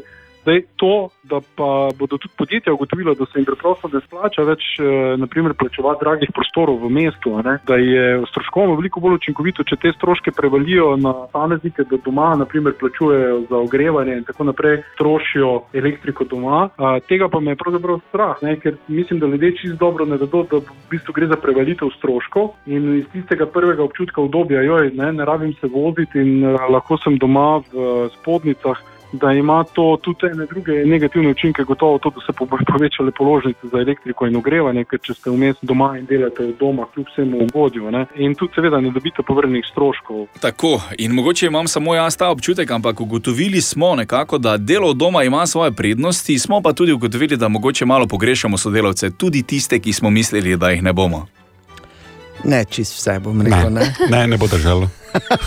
Kaka sta. Ana Borindejan, želimo dobro jutro. Dobro jutro. Dobro jutro. Dovolil si bom en kratek recital. Happy birthday to you. You're just like you came from a zoo. You look like a monkey and you smell like one too. Pa. Ana, vse najboljše za tvoj rojstni dan, cenjena kolegica. To je pač dolgo sem se pripravljal na to. In eh, da bi bila zdrava, to ti želimo. Hvala lepa. Mlada si dovolj, No, no, tudi kosti se hitro celijo. Tako da to je to. Pet minut čez Hvala. pol deveto. Če bi rad kdo čestital, Ani, se res ni treba, 211. ja, ja. In uh, imaš srečo, uh, ker letos seveda ni treba častiti, ampak mi dol pišemo. Je tako, Bor? Veš, da brez skrbi. Absolutno. Želimo dobro jutro. Dobro jutro. Dobro jutro. In vse najboljše princesi stezna Ani, ki danes praznuje rojstni dan. Hvala lepa, Ja, kolega. mimo grede, uh, Ana, okoli do prstnega kipa, nimam novih informacij, Bo, ampak ne. vem pa, da je populacija tezna, oziroma tam ti tvoji podaniki, ne, v veliki meri so se izjasnili za tvoj doprstni kip in mislim, da se premika v smeri brona, ne zlata. da je? Dodal bi samo, da ko rečemo, ko se o Ani pogovarjamo, če bi ga malo niže spustili, tako da še v prsje zajame. Ja. Pozor, da bo uh, naša galaksija, Mlečna cesta, trčila v sosednjo galaksijo po imenu Andromeda čez 6 do 8 milijard let, je dejstvo. Konec je torej blizu. Ja. Ampak zdaj so raziskovalci in strokovnjaki in astronomi v uh, svojih zapiskih v Royal Astronomical Society, ki velja za eno od najprestižnejših astronomskih združenj na svetu, zapisali, da bi lahko namesto tega naša Mlečna cesta trčila v uh, velik uh, Magellanski oblak. In to le, oziroma obstaja za to možnost, da že praktično po jutrišnjem, od 1 do 4 milijarde let, tu se lahko zgodi. Tako da, kot se reče, konec je blizu. Ne bi sicer držal sape, da bomo to dočakali razen Bora, Bora, ker ja. ima pač ključ do večnega življenja. Ona si. Končno si priznala. Ja. Kaj? Začne kvas kupovati. Le kak meče, ja, pa VC papir, VC papir, bor, ker kot dve galaksiji Bliža se. trčeta, eh, te običajno odpre. Glej, ni enega, ni enega, ki lahko to mojo teorijo ovrže. Ker ni enega, ki je bil zraven, ko sta dve trčili. Ziger si ful odprt. Web, web, web, web check. Tako, v redakciji Webčeka smo prečesali družbena omrežja, ugotovili, da ni niti ene objave o Boru in rekli, da je to vse skupaj brez veze. Hvala lepa. Webček. Narečja so zakon. Ha, kva, koga, kaj? Ma ne razumem. Če ne drugače, zato ker ne želimo tvegati atentata strani Frasa. Ne? Zakaj nočeš, nočeš fraso zameriti? ja, res je. Če ne drugega, uh, je toliko večji od tebe, da že za to. Veš, kako so nas pa učili? Teži s temi jezikovnimi pravili, da smo. Teži. Ja. Posebej si vrdelnik, vrdelnik, vrdelnik, vrdelnik, vrdelnik. Ja, rodilnik. Rodilnik je velika težava pri, pri Boru. Uh, zdaj ne vem, ne zdaj to preslikati na rodila. O tem ne bomo govorili. Uh, raje se posvetimo temu, kar smo na zadnje iskali. Marko, dobro jutro. Dobro jutro. Bravo. Dobro jutro. Na zadnje smo iskali narečene verzije te povedi. Letos pa bom res manj jedel, manj pil in več telovadil. Max, prihajam iz Zavrča. Letos bom resen meje jo, meje plju, pa več telovadu. Jaz sem Martina, z okolice Mala nedelja. Pri nas se tu reče, letos bom resen meja jela, meja pila, pa več bom telovodila. Moje ime je Mateja, prihajam iz Prekmurja, naše narečje pa je. Letos bom manj pila, manj igela in več telovadila. Sandi, prihajam z okolice Ormuža, pri nas bi se to čulo tako. Letos pa bom meja jo, pa meja pija, pa več bom telovada. Sem Tanja iz Dobrovnika. Ton leti bom menje gela, menje pila in več telovadila. In še na hitro nekaj zanimivejših povedi iz Facebooka. Letos pa bom res manj jela, pila, pa več po brigi letala. To leto pa bomo rejsan menje gejla, menje telovadila, zato kam leko več spila. Še to leto bom pa manj žrva, pa žlampava, pa več laupava. Lajtus bom bolj molo jajdla, bolj molo pila, pa skokala, okul samo marem ohta, da se nem skobilila. Recimo se opravičujem za izgovorjavo. V tem tednu pa iščemo narečne verzije te povedi. Kdo je že spet kuril z vžigalicami? In še vedno smo v slovarju stare knjižne prekmurščine, tako da kaj pravite vi trije? Blanica, Bojtar in Bomblek. Bor ti si Jaz bom bomblek, to je bomblek, tako rešeno. Ja, kaj Ja, veš? bomblek kaj sem veš? A, kdo spet kuri z šibicami? Ne? Kdo Ja. spet šibice kuri tu? Bi rekli mi, verjetno. Ne? Sicer pa Marko razloži, kaj si nam rekel. No? Blanica je deščica oziroma deščica, recimo je z borovimi blanicami vse okoli zaopasajo iz leta 1870. Nimam pojma, kaj pomeni. Bojtar je pastirjev pomočnik, bomblek pa je mačica, so cvetje v obliki podolgovate kepice. No, to, to ti pravimo. So cvetje v obliki podolgovate kepice. Ja. Zadev sem že blico na glavici. Tako bi rekel, bi lahko opisali, recimo, tudi tvoj teden. Ne? Deset minut čez pol sedmo, nareče so zakon, vsak dan po drugi, Hvala, frasi medvard šel. Ha, koga? Ma ne razumem. Narečja so zakon. Ena od treh, treh, treh. Jutranji sprehod po zgodovini popularne glasbe. No, tako danes se ustavimo pri, eh, moram reči, meni eni od najljubših figur v zgodovini rock'n'rolla. Kaj ti svoj 52. rojstni dan praznuje David Erik Grohl, oziroma na kratko Dave Grohl. Kdo je Dave Grohl? Uh, vsi, ki smo v 90-ih poslušali Nirvano, vemo, da je bil to tisti dolgolasi, temnolasi Bobnar, ki je kasneje po smrti Krta Kobejna naredil en tak solo glasbeni projekt Foo Fighters. Ki je se samo razvil v za mnoge še edini pravi rock band na svetu. Foo Fightersi, seveda vrhunski. Uh, mimo grede, če te zanima malo zgodovina Foo Fightersov, pol uh, predlagam dokumentarec Back and Forth, ki je zdaj sicer star že skoraj da desetletje, ampak vseeno je. Uh, je kar izvrsten prikaz zgodovine tega uh, izrednega benda. Dave Grohl, ki je. moramo razčistiti, ker ti veš vse. Ne? Torej, on je pri Nirvani igral bobne. Ne? Ja, drugače pa kitaro, ne zdaj. Po pa pri Foo Fightersih kitaro, po pa še začel pet. Ne?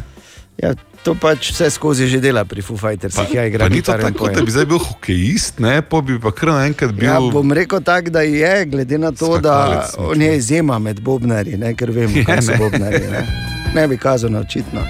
Ampak Dave Grohl je res izjemen, velja tudi Mm. za tretjega najbogatejšega bobnarja na svetu. Čeprav je za... kitarist, ne? Ne, bobnar je v osnovi. Ne? Z- Daj, bor nehaj. Torej, uh, naj, tretji najbogatejši bobnar, na prvem mestu, jasno, da je Ringo Starr, na drugem Phil Collins, na tretjem pa na to že Dave Grohl. Njegovi Foo Fightersi, številni izvrstni hiti uh, v, v njihovi fonoteki.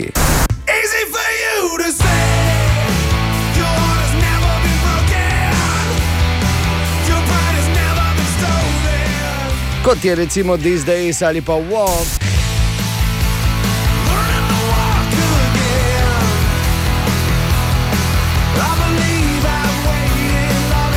Ali pa denimo Learn to Fly.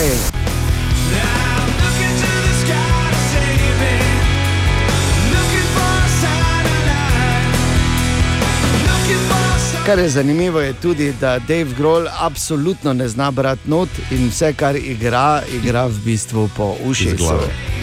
Ja. E, Wow. Eno stvar te še moram vprašati, to pa za zadnjo ja. prisežem. Kaj misliš, da je teže pet, ko bobnaš?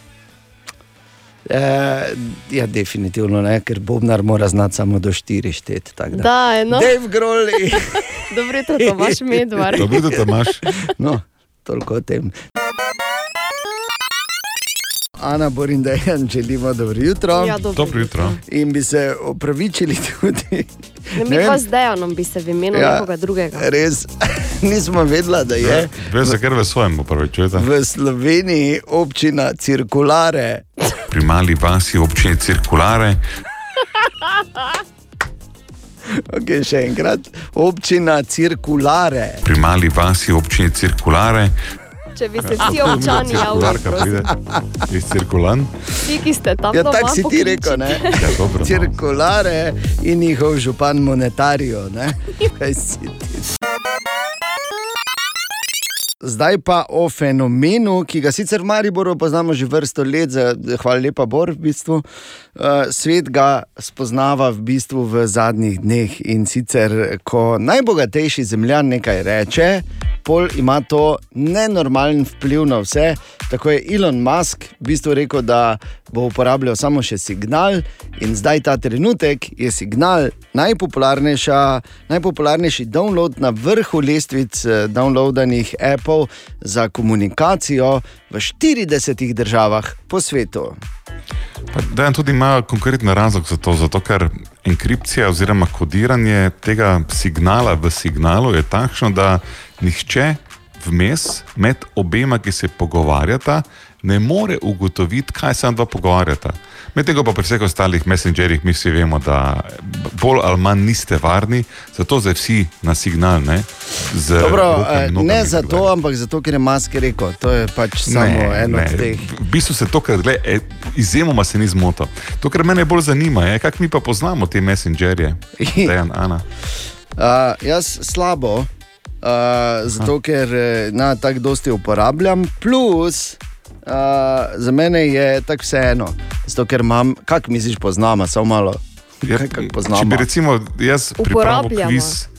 Ne, če jaz pripravim kviz zvokov, če bi vedela, za kateri messenger A, eh, gre. Vrži. A Okej. Zvoke, čakaj, samo malo, tu pa jaz se moram kar izločiti, zato ker jaz imam telefon skozi na tiho uh, in mi ura vibrira. Vem, ampak ti, gled, če ima kdo uho v ekipi, si to ti, ne, se pravi, Ja, stavimo ja, na tebe. ful, ja. Zakaj sploh sprašujem, da moramo kaj štartati? ne? Torej, pred nami je zvok, skrivnostni zvok številka ena. Messenger. je to? Facebook, Messenger. Ana, ena točka, dejan nič. Tega on ne more vedeti. Zakaj bi jaz to vedel? Ja? Glej, te- tekmovanje, tekmovanje. Torej, eh, skrivnostni zvok številka dve. Ja, to je Pa Viber. ponovimo. Viber, ja, ne? Tako, Ana, dve točki, dejan nič. Pa kaj si ti, no? Ja. In še skrivnostni zvok številka tri. Kako te naj to vem? In WhatsApp. ponovimo. WhatsApp. A na tri točke, da je nič. Lej, mislim, ne bomo več dalje igrali, ker to je masaker. oziroma Kaj živo si ti, klanje. no? E- Edino, kar lahko naredim, dejan, da rešim tvoj čas in slavo, naredim bonus rundo. Bonus runda, skrivnostni zvok. O, to pa ne vem. Ponovimo. Daj, dejan, povej. Ne, ne bom. Ker Povej. hočem biti pri, ne, Veš hočem biti pri nuli. Vidim, da veš. To sem si dal, To je, ne zakaz. to je seveda Tinder in dejan ga je seveda nadaleč prepoznal. Vidiš. Uh, pa ne zato, ker bi si kdo mislil, ampak uh, je ena zanimiva zgodba povezana z Tinderjem. Uh, enkrat pred leti, ne pazi, poslušaj to. Uh, ne, jaz tega nikoli nisem imel naloženega, lahko greš gledati zgodovino mojih aplikacij. Vemo pa, kdo si ga je prvi naložil, ko, se, ko je ven prišel. Vemo, kdo si še ga tudi ni. Iz tesnih, ja. No, in um, sem rekel, pač z enim mlajšim fantom sem se pogovarjal, ki pač to uporabljal. In sem rekel, da pokaži mi, da vidim, kako to zgleda. In mi je razlagal, viš in to zdaj swipneš sem, to zdaj swipneš sem, to, to pomeni. Sem rekel, kaj pa, kaj pa še tretje, je rekel, tisto pa je super swipe, tisto pa gor swipneš. Samo da mi ne bi slučajno porabil tega, ko sem mu štofiral. Ne? In seveda sem mu super swipe na prvi priložnosti, na nekaj zelo neprimernega. Pol pa ni imel mira. 11 minut čez sedmo, zanimiva igra, Bor. Čestitke, Ana. Hvala. S tem, da- da priprava na jutrišnji. Ne, Skoraj ne mogoče vprašanje. Ja. Ja. Naj samo povem, naj gre uh, v zapisnik, da sem se jaz vnaprej predal. Bor drugače pa odličen kviz, hvala lepa. Katastrofalno, kako slabo jaz poznam zvoke aplikacij, čeprav si to štejem za največjo zmago v tem tednu. če me razumeš. Ne? In če že govorimo o tehnologijah, eh, ta trenutek seveda teče, žal, letos virtualno, tako da bor nismo mogli iti v Las Vegas, tako kot vsako leto gremo. Consumer Electronic Show oziroma CES, velika maša potrošne eh, elektronike. In eh, ne bi do stvari, samo en namig ti dam, da danes malo pogledaš, tako zjutraj, preden greš v službo, ali pa če imaš par minut vmes. Uh, med vsemi stvarmi so roboti, face močni letos na CES-u. In Samsung je predstavil novo linijo kuhinjskih robotov, ki, ki, res, ki, ki delajo vse in zgleda, da, da zdaj pa zares prihajajo roboti, ki izgledajo kot roboti. Mislim, tako kot R2D2, taki podolgovati je en, pa, pa, pa take rokice so, ko tako delajo in so v kuhinji. In eh, se pišete samo Samsung, robot, pa CS, pa boste zagotovo dobili kar nekaj zanimivih videoposnetkov. Jaz samo vem, da čeprav ti roboti delajo vse na nek način perfektno in ti ne rabiš nič in so zelo, zelo natančni, da bi pravi ultratest verjetno moral biti eh, pri meni doma. Ker če imaš, eh, veš, za ženo prlečko, ne, so te stvari porihtane, imam občutek, da bi po dveh dneh robot, robot tako žalostno šel dol po ulici. Piu, piu, piu, piu, Ja, tako dela robotek. Piu, piu, piu. piu, piu, piu. A, Tako da, ja, no, to je en tak zanimiv, uh, zanimiva za pogled, če boš imel danes kaj časa, pa kaj uh, mrdal ali mrdala po spletu.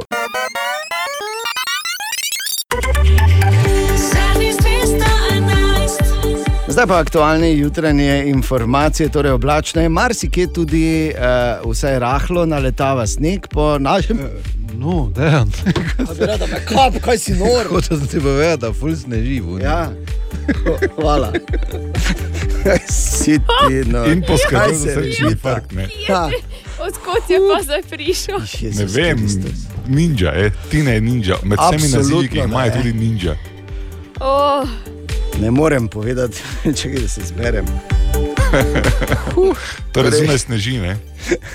Hvala ti, ti ne res. kje je te? Ne vem, Sneži zunaj. je ne. Ja, ker tako naenkrat je prišel, tako iz nič. O, Tine! Tudi danes zjutraj, Tine, dobro jutro. Ja, dobro jutro. Padel je sneg. Prvi, na, Ne, ni prvi, daleč od tega. In eh, vprašanje, ki je na mestu, ali si tudi danes kolesom. Valjda, se zato sem se tako ne predaš. Ja, ne, ker ko sem prišel, je bilo čisto lepo. Ne, ti ne ima tako vremena študirano, da on ko pride, pol začne. Ja. A, Ja, tako kot ko je vreme je, noč. je, ko je on vozil sem, ni bilo snega, zmes Ne. bo, ko bo šel nazaj, zopet ne bo. Točno tako. Težko bi začel, če ga ne bi bilo. Dobro, lahko zdaj. Je pa en, en zanimiv razlog, ki ga je Tina izpostavil, pa mislim, da je super za podeliti, zakaj imamo to, kar imamo. Zakaj je recimo eh, zima bogata s snegom, kot že dolgo ne, pa noben ne more, oziroma ne sme smučati. Ja. Jaz Zakaj? sem si lani, lani sem si kupil po desetih letih, mislim, da deset let, če ne več, eh, novo smočarsko jakno. In, In tu se je če kalavarija je kdo začela. baksus, ne. Pač. Zdaj pač lahko gledaš doma, pa tudi je nekaj vredno. Hvala ne? Bogu, ker sem celo razmišljal, ampak sem pol opustil misel, da bi si nove skije kupil, ker te pa tako smo do 2,63. Jo, Čakaj, lockdown bi to bil, kaj si Ja. Okay, kaj imamo danes novega, kakšna je zanimivost za danes, Tine? Zanimivo je, ne vem, če si prej slišal, eh, preden smo veter šli, ker sem že slušalke gor, Ana je rekla, pa ne zdaj vsega razlagal, Kaj? samo konec, kako se je končala debata. Jaz sem vsega navajena, zaradi mene lahko oba dva celo jutro naga delata. Sem slišal, sem, ja, sem. Hmm. Si želi to, ni kaj. Uh, Ana, oprosti, katera dva, ker to smo trije tu. Tineta in mene je Tebe mislila, ne? Ni me tukaj, samo malo, glej, glej v kamero. Ne, Bor, pa Ne, daj Bor, ne bom gledala, pa daj. A, Naj Tine, me tri, trikrat lahko gibaš, kaj nareda. Ja, pokazal sem, da sem tukaj. Ne? Luno Niste pa, glej. Luno pa Jupiter, pa Saturn. Tako. pa mlečno cesto tudi. V bistvu nista Jupiter pa Saturn, vseeno sta malo, mlaj, malo manjša, bi jaz rekel Evropa in Io.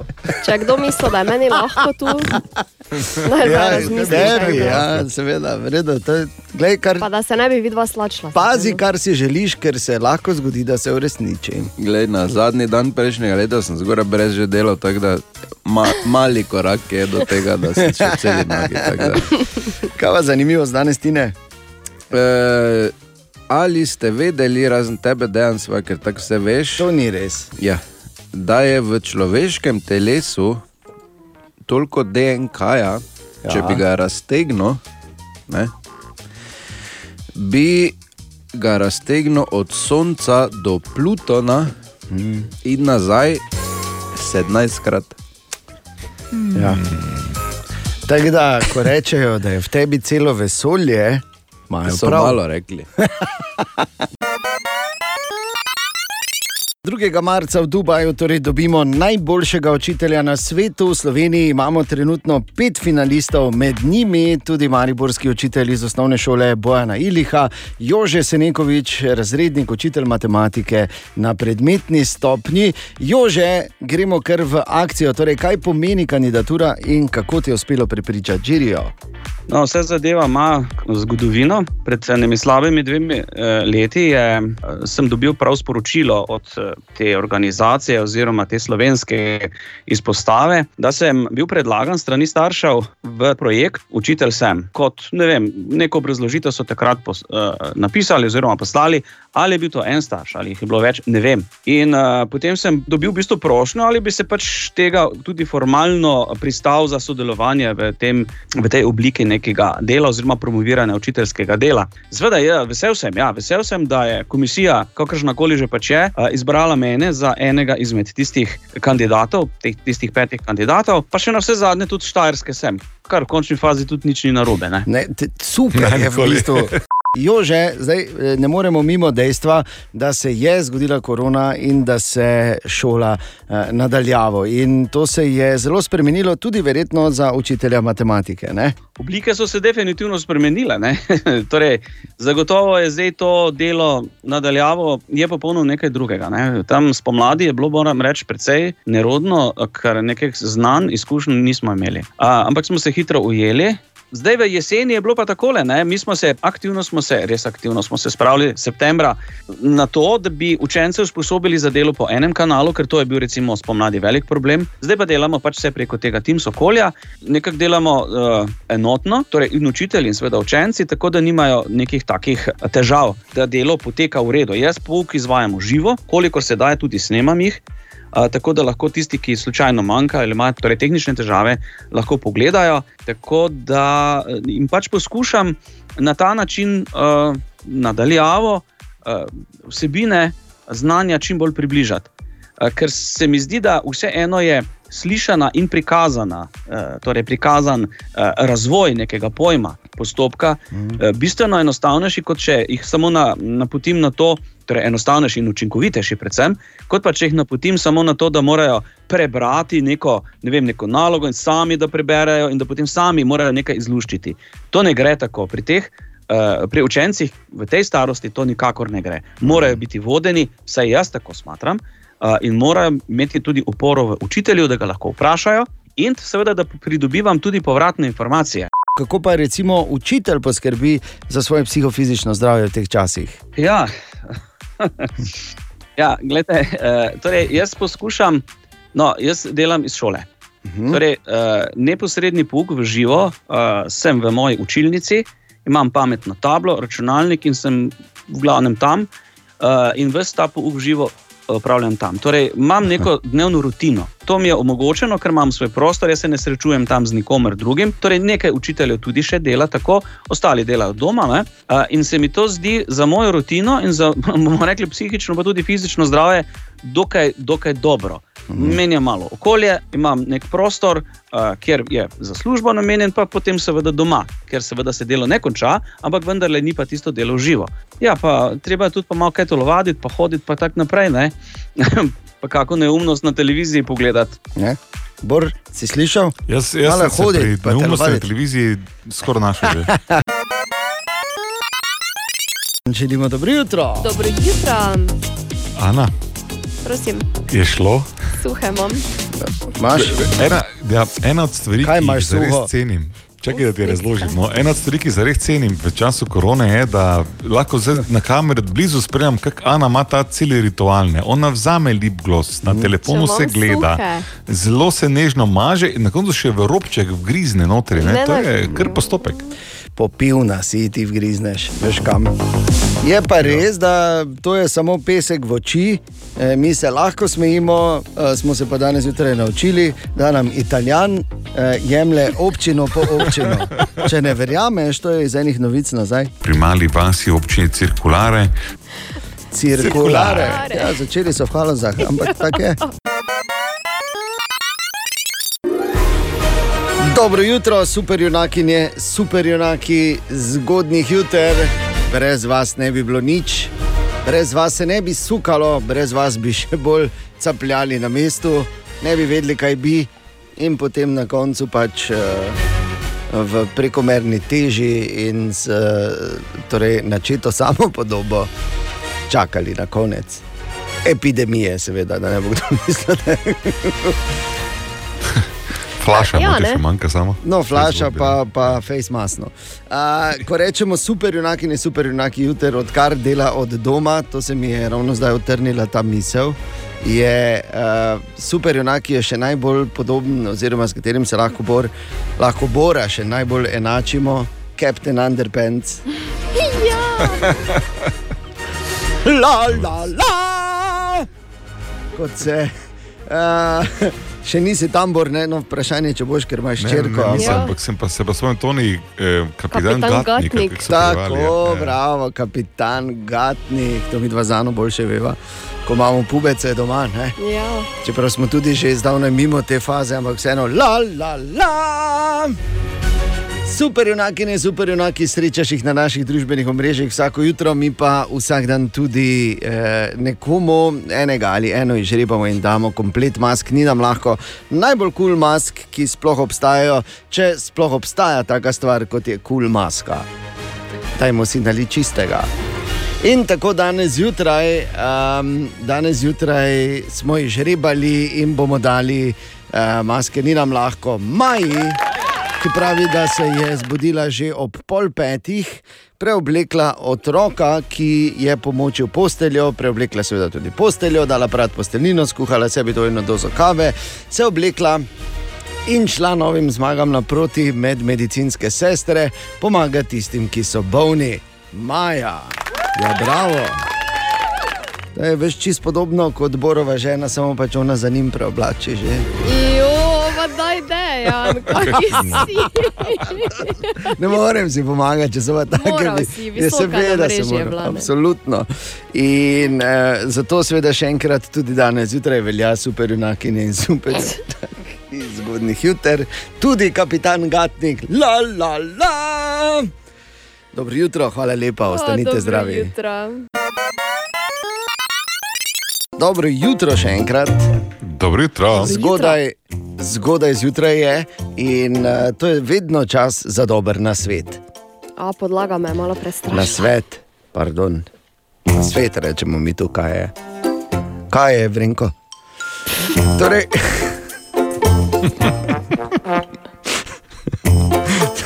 je postal v te, eh, enem tednu sinonim za to, kako je lahko uh, v bistvu nekaj, kar se zdi tako prav tako narobe. Um, govorimo o TV seriji, seveda. ne. Uh, ampak če za res, Bor, to sem prebral ta naslov in to ti moram povedati. Ana, ti tudi počasi, včeraj si ne na zadnje eh, praznovala še en korak bliže k meni. Pa daj, no, pa daj, da pa ne veš. Je res ali ni res? Ja, že No, čutim, kako se mi je. Ne to, ampak si korak bliže, vsi smo korak bliže vsak dan. Ne? Oh, Če bi uh, tekel, treniral in tekel maraton, ti lahko to pomaga, da bi živel dlje. Bor. Super. Ja. Povem ja. samo. In, okay. in koliko taki dnevni trening tekanja zajema? Recimo? Ja, kaj? Za tebe no. absolutno preveč, verjetno. Sigurno, ampak pač. Da si zano. Ne? Čez palec. Zano smo si enotna, da za tebe je verjetno preveč. Ampak... Vsi trije smo si te notni Ja. ja. Ampak glede na to, da uh, se pojavljajo resne težave uh, ob delu od doma, maraton bor, maraton, maraton, maraton. In tudi ne rabiš ga laufati na svojem balkonu, ker imaš tako malega, da bi bilo res nerodno. Uh, to je eno, drugo pa um, je dovoljena rekreacija. Ne? Plus, uh, Maribor ni tako mali, če narediš pet krogov okoli. Pa za rekreacijo tako lahko greš. Pa, ampak tu, če hočeš biti znotraj občine, gledaj, v Mariboru ve, večji promet, večja, eh, več avtov, več adrenalina, bor, če si tekač. Tako da, maraton. Ne vem, pač od zmeraj nisem rad tekel. In to, kar me najbolj razjezi, je, da je zdaj je res, po mojem, to najlažja oblika rekreacije, ker je pač vse ostalo zaprto. Ne? Ja. Še vedno. Celo. Hashtag kisi bazen. Hashtag še vedno spuščam, hashtag pristan. Ena od treh, treh, treh. Jutranji sprehod po zgodovini popularne glasbe. Tako in jutri bo praznovala svoj 62. rojstni dan Helen Folasade Adu. Uh, A, Šadi Adu. Da, bravo. Oziroma uh, ima svoj bend Šadi, ki je na glasbeni sceni že pju, od 80-ih, od nekdaj se zdi.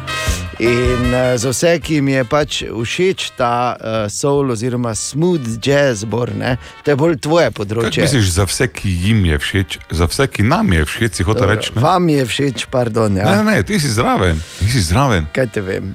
Šadi. Pač, no, glej, vsak ima pač svoje preference. Ne se ne rečem, ja, da je kaj narobe. Ampak gled, vsak dan se več o tebi naučimo, se mi zdi. Redko kdaj je bilo to nujno potrebno. Redko kdaj bom rekel ja. tako, če pogledaš moj Spotify, bolj, bolj kot ne, ne opaziš šade v mojih playlistah. Pa žal. Pa pri tebi ne vem, ne ker imaš ženo pri knjigah, otroke na Spotifyju, pa, pa je pač. Ja, ne, ampak eh, še de je vseeno zagotovo eno od dejstev, lahko rečemo v uh, knjigi, kjer piše zgodovina popularne kulture oziroma glasbe, s hiti kot so.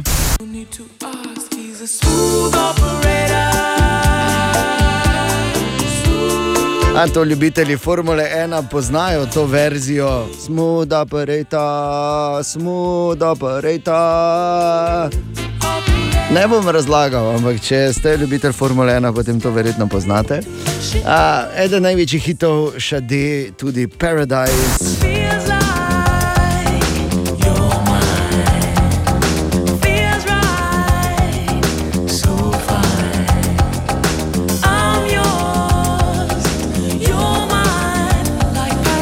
In pa jasno, da to, kar pač tudi šef večkrat reče, Boro, da je njegov. The sweetest tabu.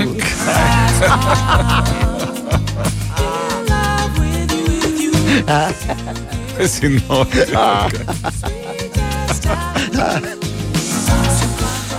A, tako, šade, torej, jaz mislim, da ni druge kot da svite tabu. Ne? Absolutno Da se strinjam. Takoj po oglasih, dan pred njenim 62. rojstnim dnem. Dobro jutro, dobrodošla, Dobro jutro. Ana in Bor, princesa Tezna in tudi naše igre, skoraj nemogoče vprašanje. Ko je vprašanje, seveda, veliko bolj spektakularno od odgovora, ali pač. In tudi danes zjutraj, korenini v statistiki pridobljeni v Evropski uniji, torej se tiče tudi nas. Bor, kaj je zdaj s tabo?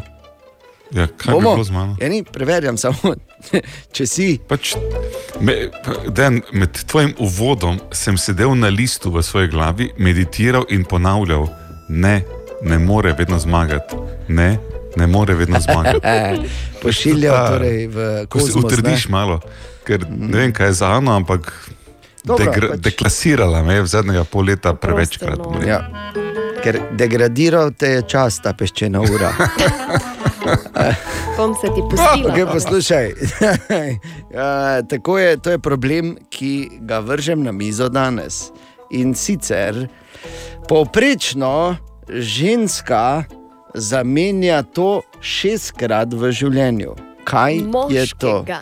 Moškega, ja. seveda. Avtomobil. Seveda, kje, kje čakaj počasi moškega, ker je ženska te, ki te živiš. Ja, na tezno. Na tezno je pa so jih malo ja, drugačna, ne? ja, še, več kot šest zamenjate, ne? No, Kako se menijo, ne? Kak si pa, daj nehaj. Leteče menjave. Dobro, daj Ni. Kaj Ni ni avto. avto? Poprečno ženska zamenja to šestkrat v svojem življenju. Kaj je to? Prebivališče? Ne. O, to, se tudi, to je povezano s tisto prvo moškega. Ja, to ni slaba, to je votlina. Ne? Ja. Ni. Um, Kuhinjo. Ne, to Kuhinjo. je šestkrat ne. Ja, povezano je. Ana, ne bi rad bil, ne bi Spalnica, rad bil s tabo v zvezi. jugi. Ne spalnica, ne postelja, ne jogi. Pa, uh, Um, eh, ne, to ne. No, Parfum, no. pa to imaš Čakaj, da zdaj. Kaj lahko delimo, Ana deli mi 75 z 6. Pa ne bom ti delila zdaj, no. Kak Ja, bi pomaga malo, ne? Je 75 ni deljivo 6. Je pa približno. Barvo las. 12 pa pol. Barvo las kot frizuro, misliš? Ja,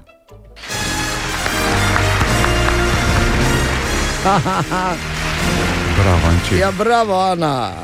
Se sem vedel. oh, ti To pomeni, da v povprečju ima vseeno okoli 12 let eno isto barvo. Ne vem, ni, ne reče barvo, ampak frizuro. Ne? Je kaj za frizuro ali barvo? Ona je rekla rekla- barvo. Saj je rekla frizuro, pol. Ja, pa ti, ko si ti rekel, si mislila frizuro. Glej, Ja, to, no, nasta, pač- glej, to kak je nast, nastavo si, Se- zdaj sem komu Ne, pokapiral. pač- Ogoljufan sem bil zopet. Ja, Menda pa te ne bom na strani poraženca, konstantnega. Če me razumeš. Ana, čestitke, še ena zmaga v skoraj nemogočem vprašanju. Igra postaja dolgočasna, ne vem, če Res je, bomo upokojili. Ne, prosim, ne. Kot da lepo zmaguješ. ne. Prosim. Okay, tak da, Vse Katja, bila, ker je bil lahko bil srebrna medalja dolgo, tako pa sem zadnji. Ne, vseeno bi bil. krepko zadnji bor. Ja. In zato za Ano danes zjutraj, čestni hoks in ena nova himna, še do včeraj Borova.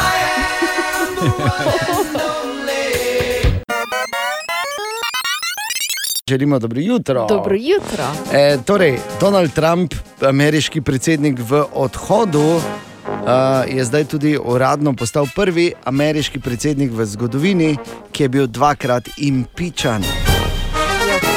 Ja, eh, dvakrat, torej, ne vem zakaj sicer so to vsta uha, če tako ali tako gre, ampak eh, razumem eh, pač verjetno motive tu zadaj. V smislu, tako sem prav dvakrat impičan. Ha, ha! Koliko krat je le naša Ana bila odpuščena, recimo, ne? Joj, On pa samo dvakrat impičan. In uh, šel sem malo iskat po naši arhivi, Ana, in uh, našel en ta kolaž iz zgodovine, koliko krat si ti bila odpuščena že. Se malo spomnimo. Oh. Jaz bi našo redaktorico Ano nekaj vprašal, Ana, kako dolgo si ti z nami že zdaj zjutraj? Dobro jutro, mimo grede. E, dobro jutro. Uh, zjutraj dva Koliko meseca, dni? ne? Dva meseca. Ja, tri. Bilo je fajn ta dva meseca, fajn se mej, mi ti želimo vse lepo na tvoji nadaljni karieri. Ker je sodelovala naša redaktorica Ana, kak si? Dobro jutro. Odpuščena, ne? odpuščena, gremo, Me gremo ven, marš ven. Ponedeljek se vrnemo. Ven. En od razlogov, zakaj bo naša redaktorica Eno. Ana danes gubila službo po devetih, ker ima zeleni polover. Če bundo. zeleni polover, ga, to je In bundo, in bundo, res to je bilo zadnjič. napaka, Ana. To je bilo zadnjič. Jaz sem ti že povedal, Ja, a, Ana, Zopet zgodovinski moment, da vam povej, Ana, Ja. ti si. odpuščena. Hvala. Oh, kak smo pa enotni. Ja. Še redaktorica Ana je gledala. Ana vsi, Smo gledala? gledali vsi smo gledali. Ni gledala? Ni gledala. Nisi gledala? Ana, nisi sem gledala. edina. Ok, Ana, dobro, Ana. bomo še imela sestanek mi dva. Kolikrat si že bila odpuščena v tem času, odkar si tu? Trikrat. Danes smo lahko. Poštej, Ja, četrtič. štirikrat v bistvu. Tako si me nasmejala, da to že dolgo nisem, da moram zdaj. eh, Naša, Ana, zdravo, naša redaktorica, dobro jutro, kak si? Dobro jutro. V redu? Super, ja. Kak je ta ponedeljek, ja? Odpuščena si. Da je frišno, vem tudi, ker je končno tudi enkrat redaktorica Ana prišla pravočasno, ne zadnji moment. Tako da, mimo grede, Ana, uh, kak si? V redu. Odpuščena. Eh, Ana, Ana, Ana, Ana, odloži delo, hitro glasovanje. Ana, Ana, Ana, Ana, Ana, ja. Odloži delo, hitro glasovanje, kdo je za, hopala. Ena roka, dve roki, tri roke, tri roke, tri roke, si ti za, Ana? ker je ne. Odpuščena sem. Ne? Ja, odpuščena, ja. prav si rekla. Ana, ker sem vama gor prišel, naj povem, odpuščena si, tvoja mama pa tudi. Upam, da zadnjič v tem letu. Še mamo tvojo sem odpustil, si slišala. Ja, pa jaz, ko sem se ti zahvaljevala. Ja, skozi. Odpuščena hvala. Ana, kak si? Vredo odpuščena. Okay. Hvala ti, ni problema. Tako da, dva impeachmenta. Amater. Ja. Danes je petek, 15. januar, v dneh, ki prihajajo, eh, mimo grede, dobro jutro, seveda. Dobro To, jutro. to, to je prvo in osnovno, vedno zjutraj, kako lahko to pozabim. A, ampak sem znem, mislim, znemirjen. Me zanima, v teh dneh bomo namreč ali pa v prihodnih mesecih, oziroma vsaj jaz bom a, kar pogosto pogledoval v Italijo. Ja. Uh, ja, pa, pa mogoče zato, ker sem pač uh, ljubitelj te uh, knjižne in filmske tematike, zdaj pa se ta stvar na nek način odvija v realnem življenju. Namreč uh, dva dni nazaj je sodnik v italijanski regiji Kalabrija začel uh, največji ali pa gromozanski proces.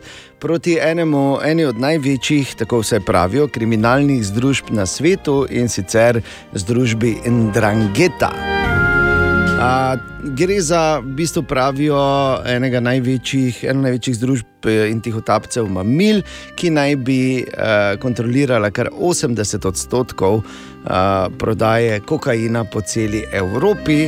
Že leta 2013 so uh, izračunali, da ima Drageta več denarja kot Deutsche Bank in McDonald's skupaj in da letno obrnejo okoli 53 milijard evrov. 325 se bi jih naj zvrstilo obtožencev na zatožni klopi. In sicer ne samo uh, člani te mafijske oziroma kriminalne združbe, ampak tudi politiki, civilni uslužbenci, poslovneži, ki so kakorkoli sodelovali v tej zelo razvejani, drog, eh, torej, ve, razvejani verigi razpečevanja drog in korupcije. Polovili so, polovila jih je posebna italijanska policijska enota imenovana Cacciatori, kar pomeni uh, v bistvu lovci. In so jih uh, našli ki posod, kjer so se skrivali po filmsko, po razno raznih bunkerjih in uh, stopniščih in tako dalje, skritih sobah uh, po uh, nepremičninah in tako dalje. Pravijo, da gre za največji italijanski proces proti organiziranem kriminalu po letu, oziroma po 80-ih, ko so želeli uničiti sicilijansko Koza Nostro. Eh, In to je bil proces, ki je v bistvu onemogočil Koza Nostro in na široko odprl vrata Drangeti, ki pa jo dajo na pranger tokrat. Skratka, to je en taki eh, večni ples in krog, v katerem se vrtijo, bomo pa seveda spremljali, kako in kaj vse to pomeni. Je pa seveda to izjemno, izjemno resna stvar. Vemo, kaj se je dogajalo s sodniki v procesu proti Kozanostri v 80-ih. To je vse res, ne. samo sem se fejs naučil, da kačatori pomeni lovec. Torej, lovska pica. Ne, pa sto let sem čutil pica kačatori, pica kačatori, sem mislil, kaj te to je neki. To je lovska, navadna lovska pica. Prav, bor. Tako da, ko ti rečejo, kačatore iz poštne. O, Tine! Dobro jutro, Tine! Dobro jutro. Dobro jutro. Evo Dobro nas. jutro. Evo nas. Grajner. Kačatore. Dve stvari. Ali kačatore za tebe? Kačatore.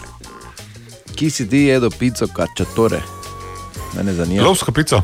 Ja. Salama je gor, eh, običajno jelenja, eh, gauda sir. Mhm. Recept je A, po Google, veš. Ne, Ki si jo jedel? Ki si ne jedel lovsko pico? Ja, v ne, pizzeriji lovsko pico. Kačatore, ki si ti Prav, Ja, kačatore. Kačatore. Prav, kačatore, lovska pica. Ja, Ne. ne. Ja, pač Kačatore, so pomenovali kačatore. Ja, kje? Ker še v pizzeriji. Dosti pic sem skozi dal.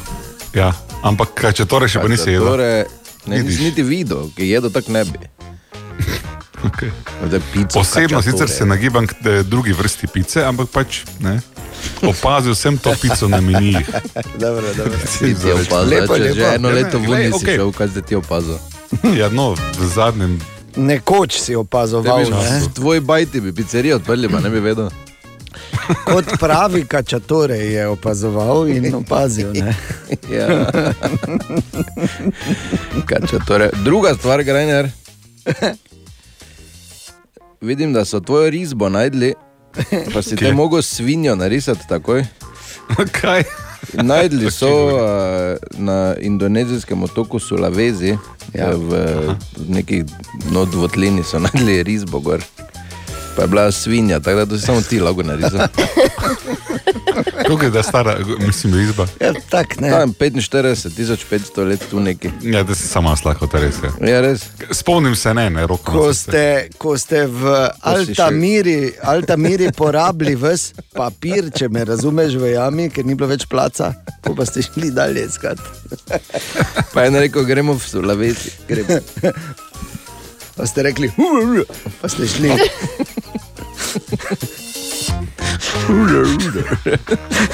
Tine, kaj pa, kaj, kaj pa imamo dan za eno zanimivost? Hude, hude. Hude, hude.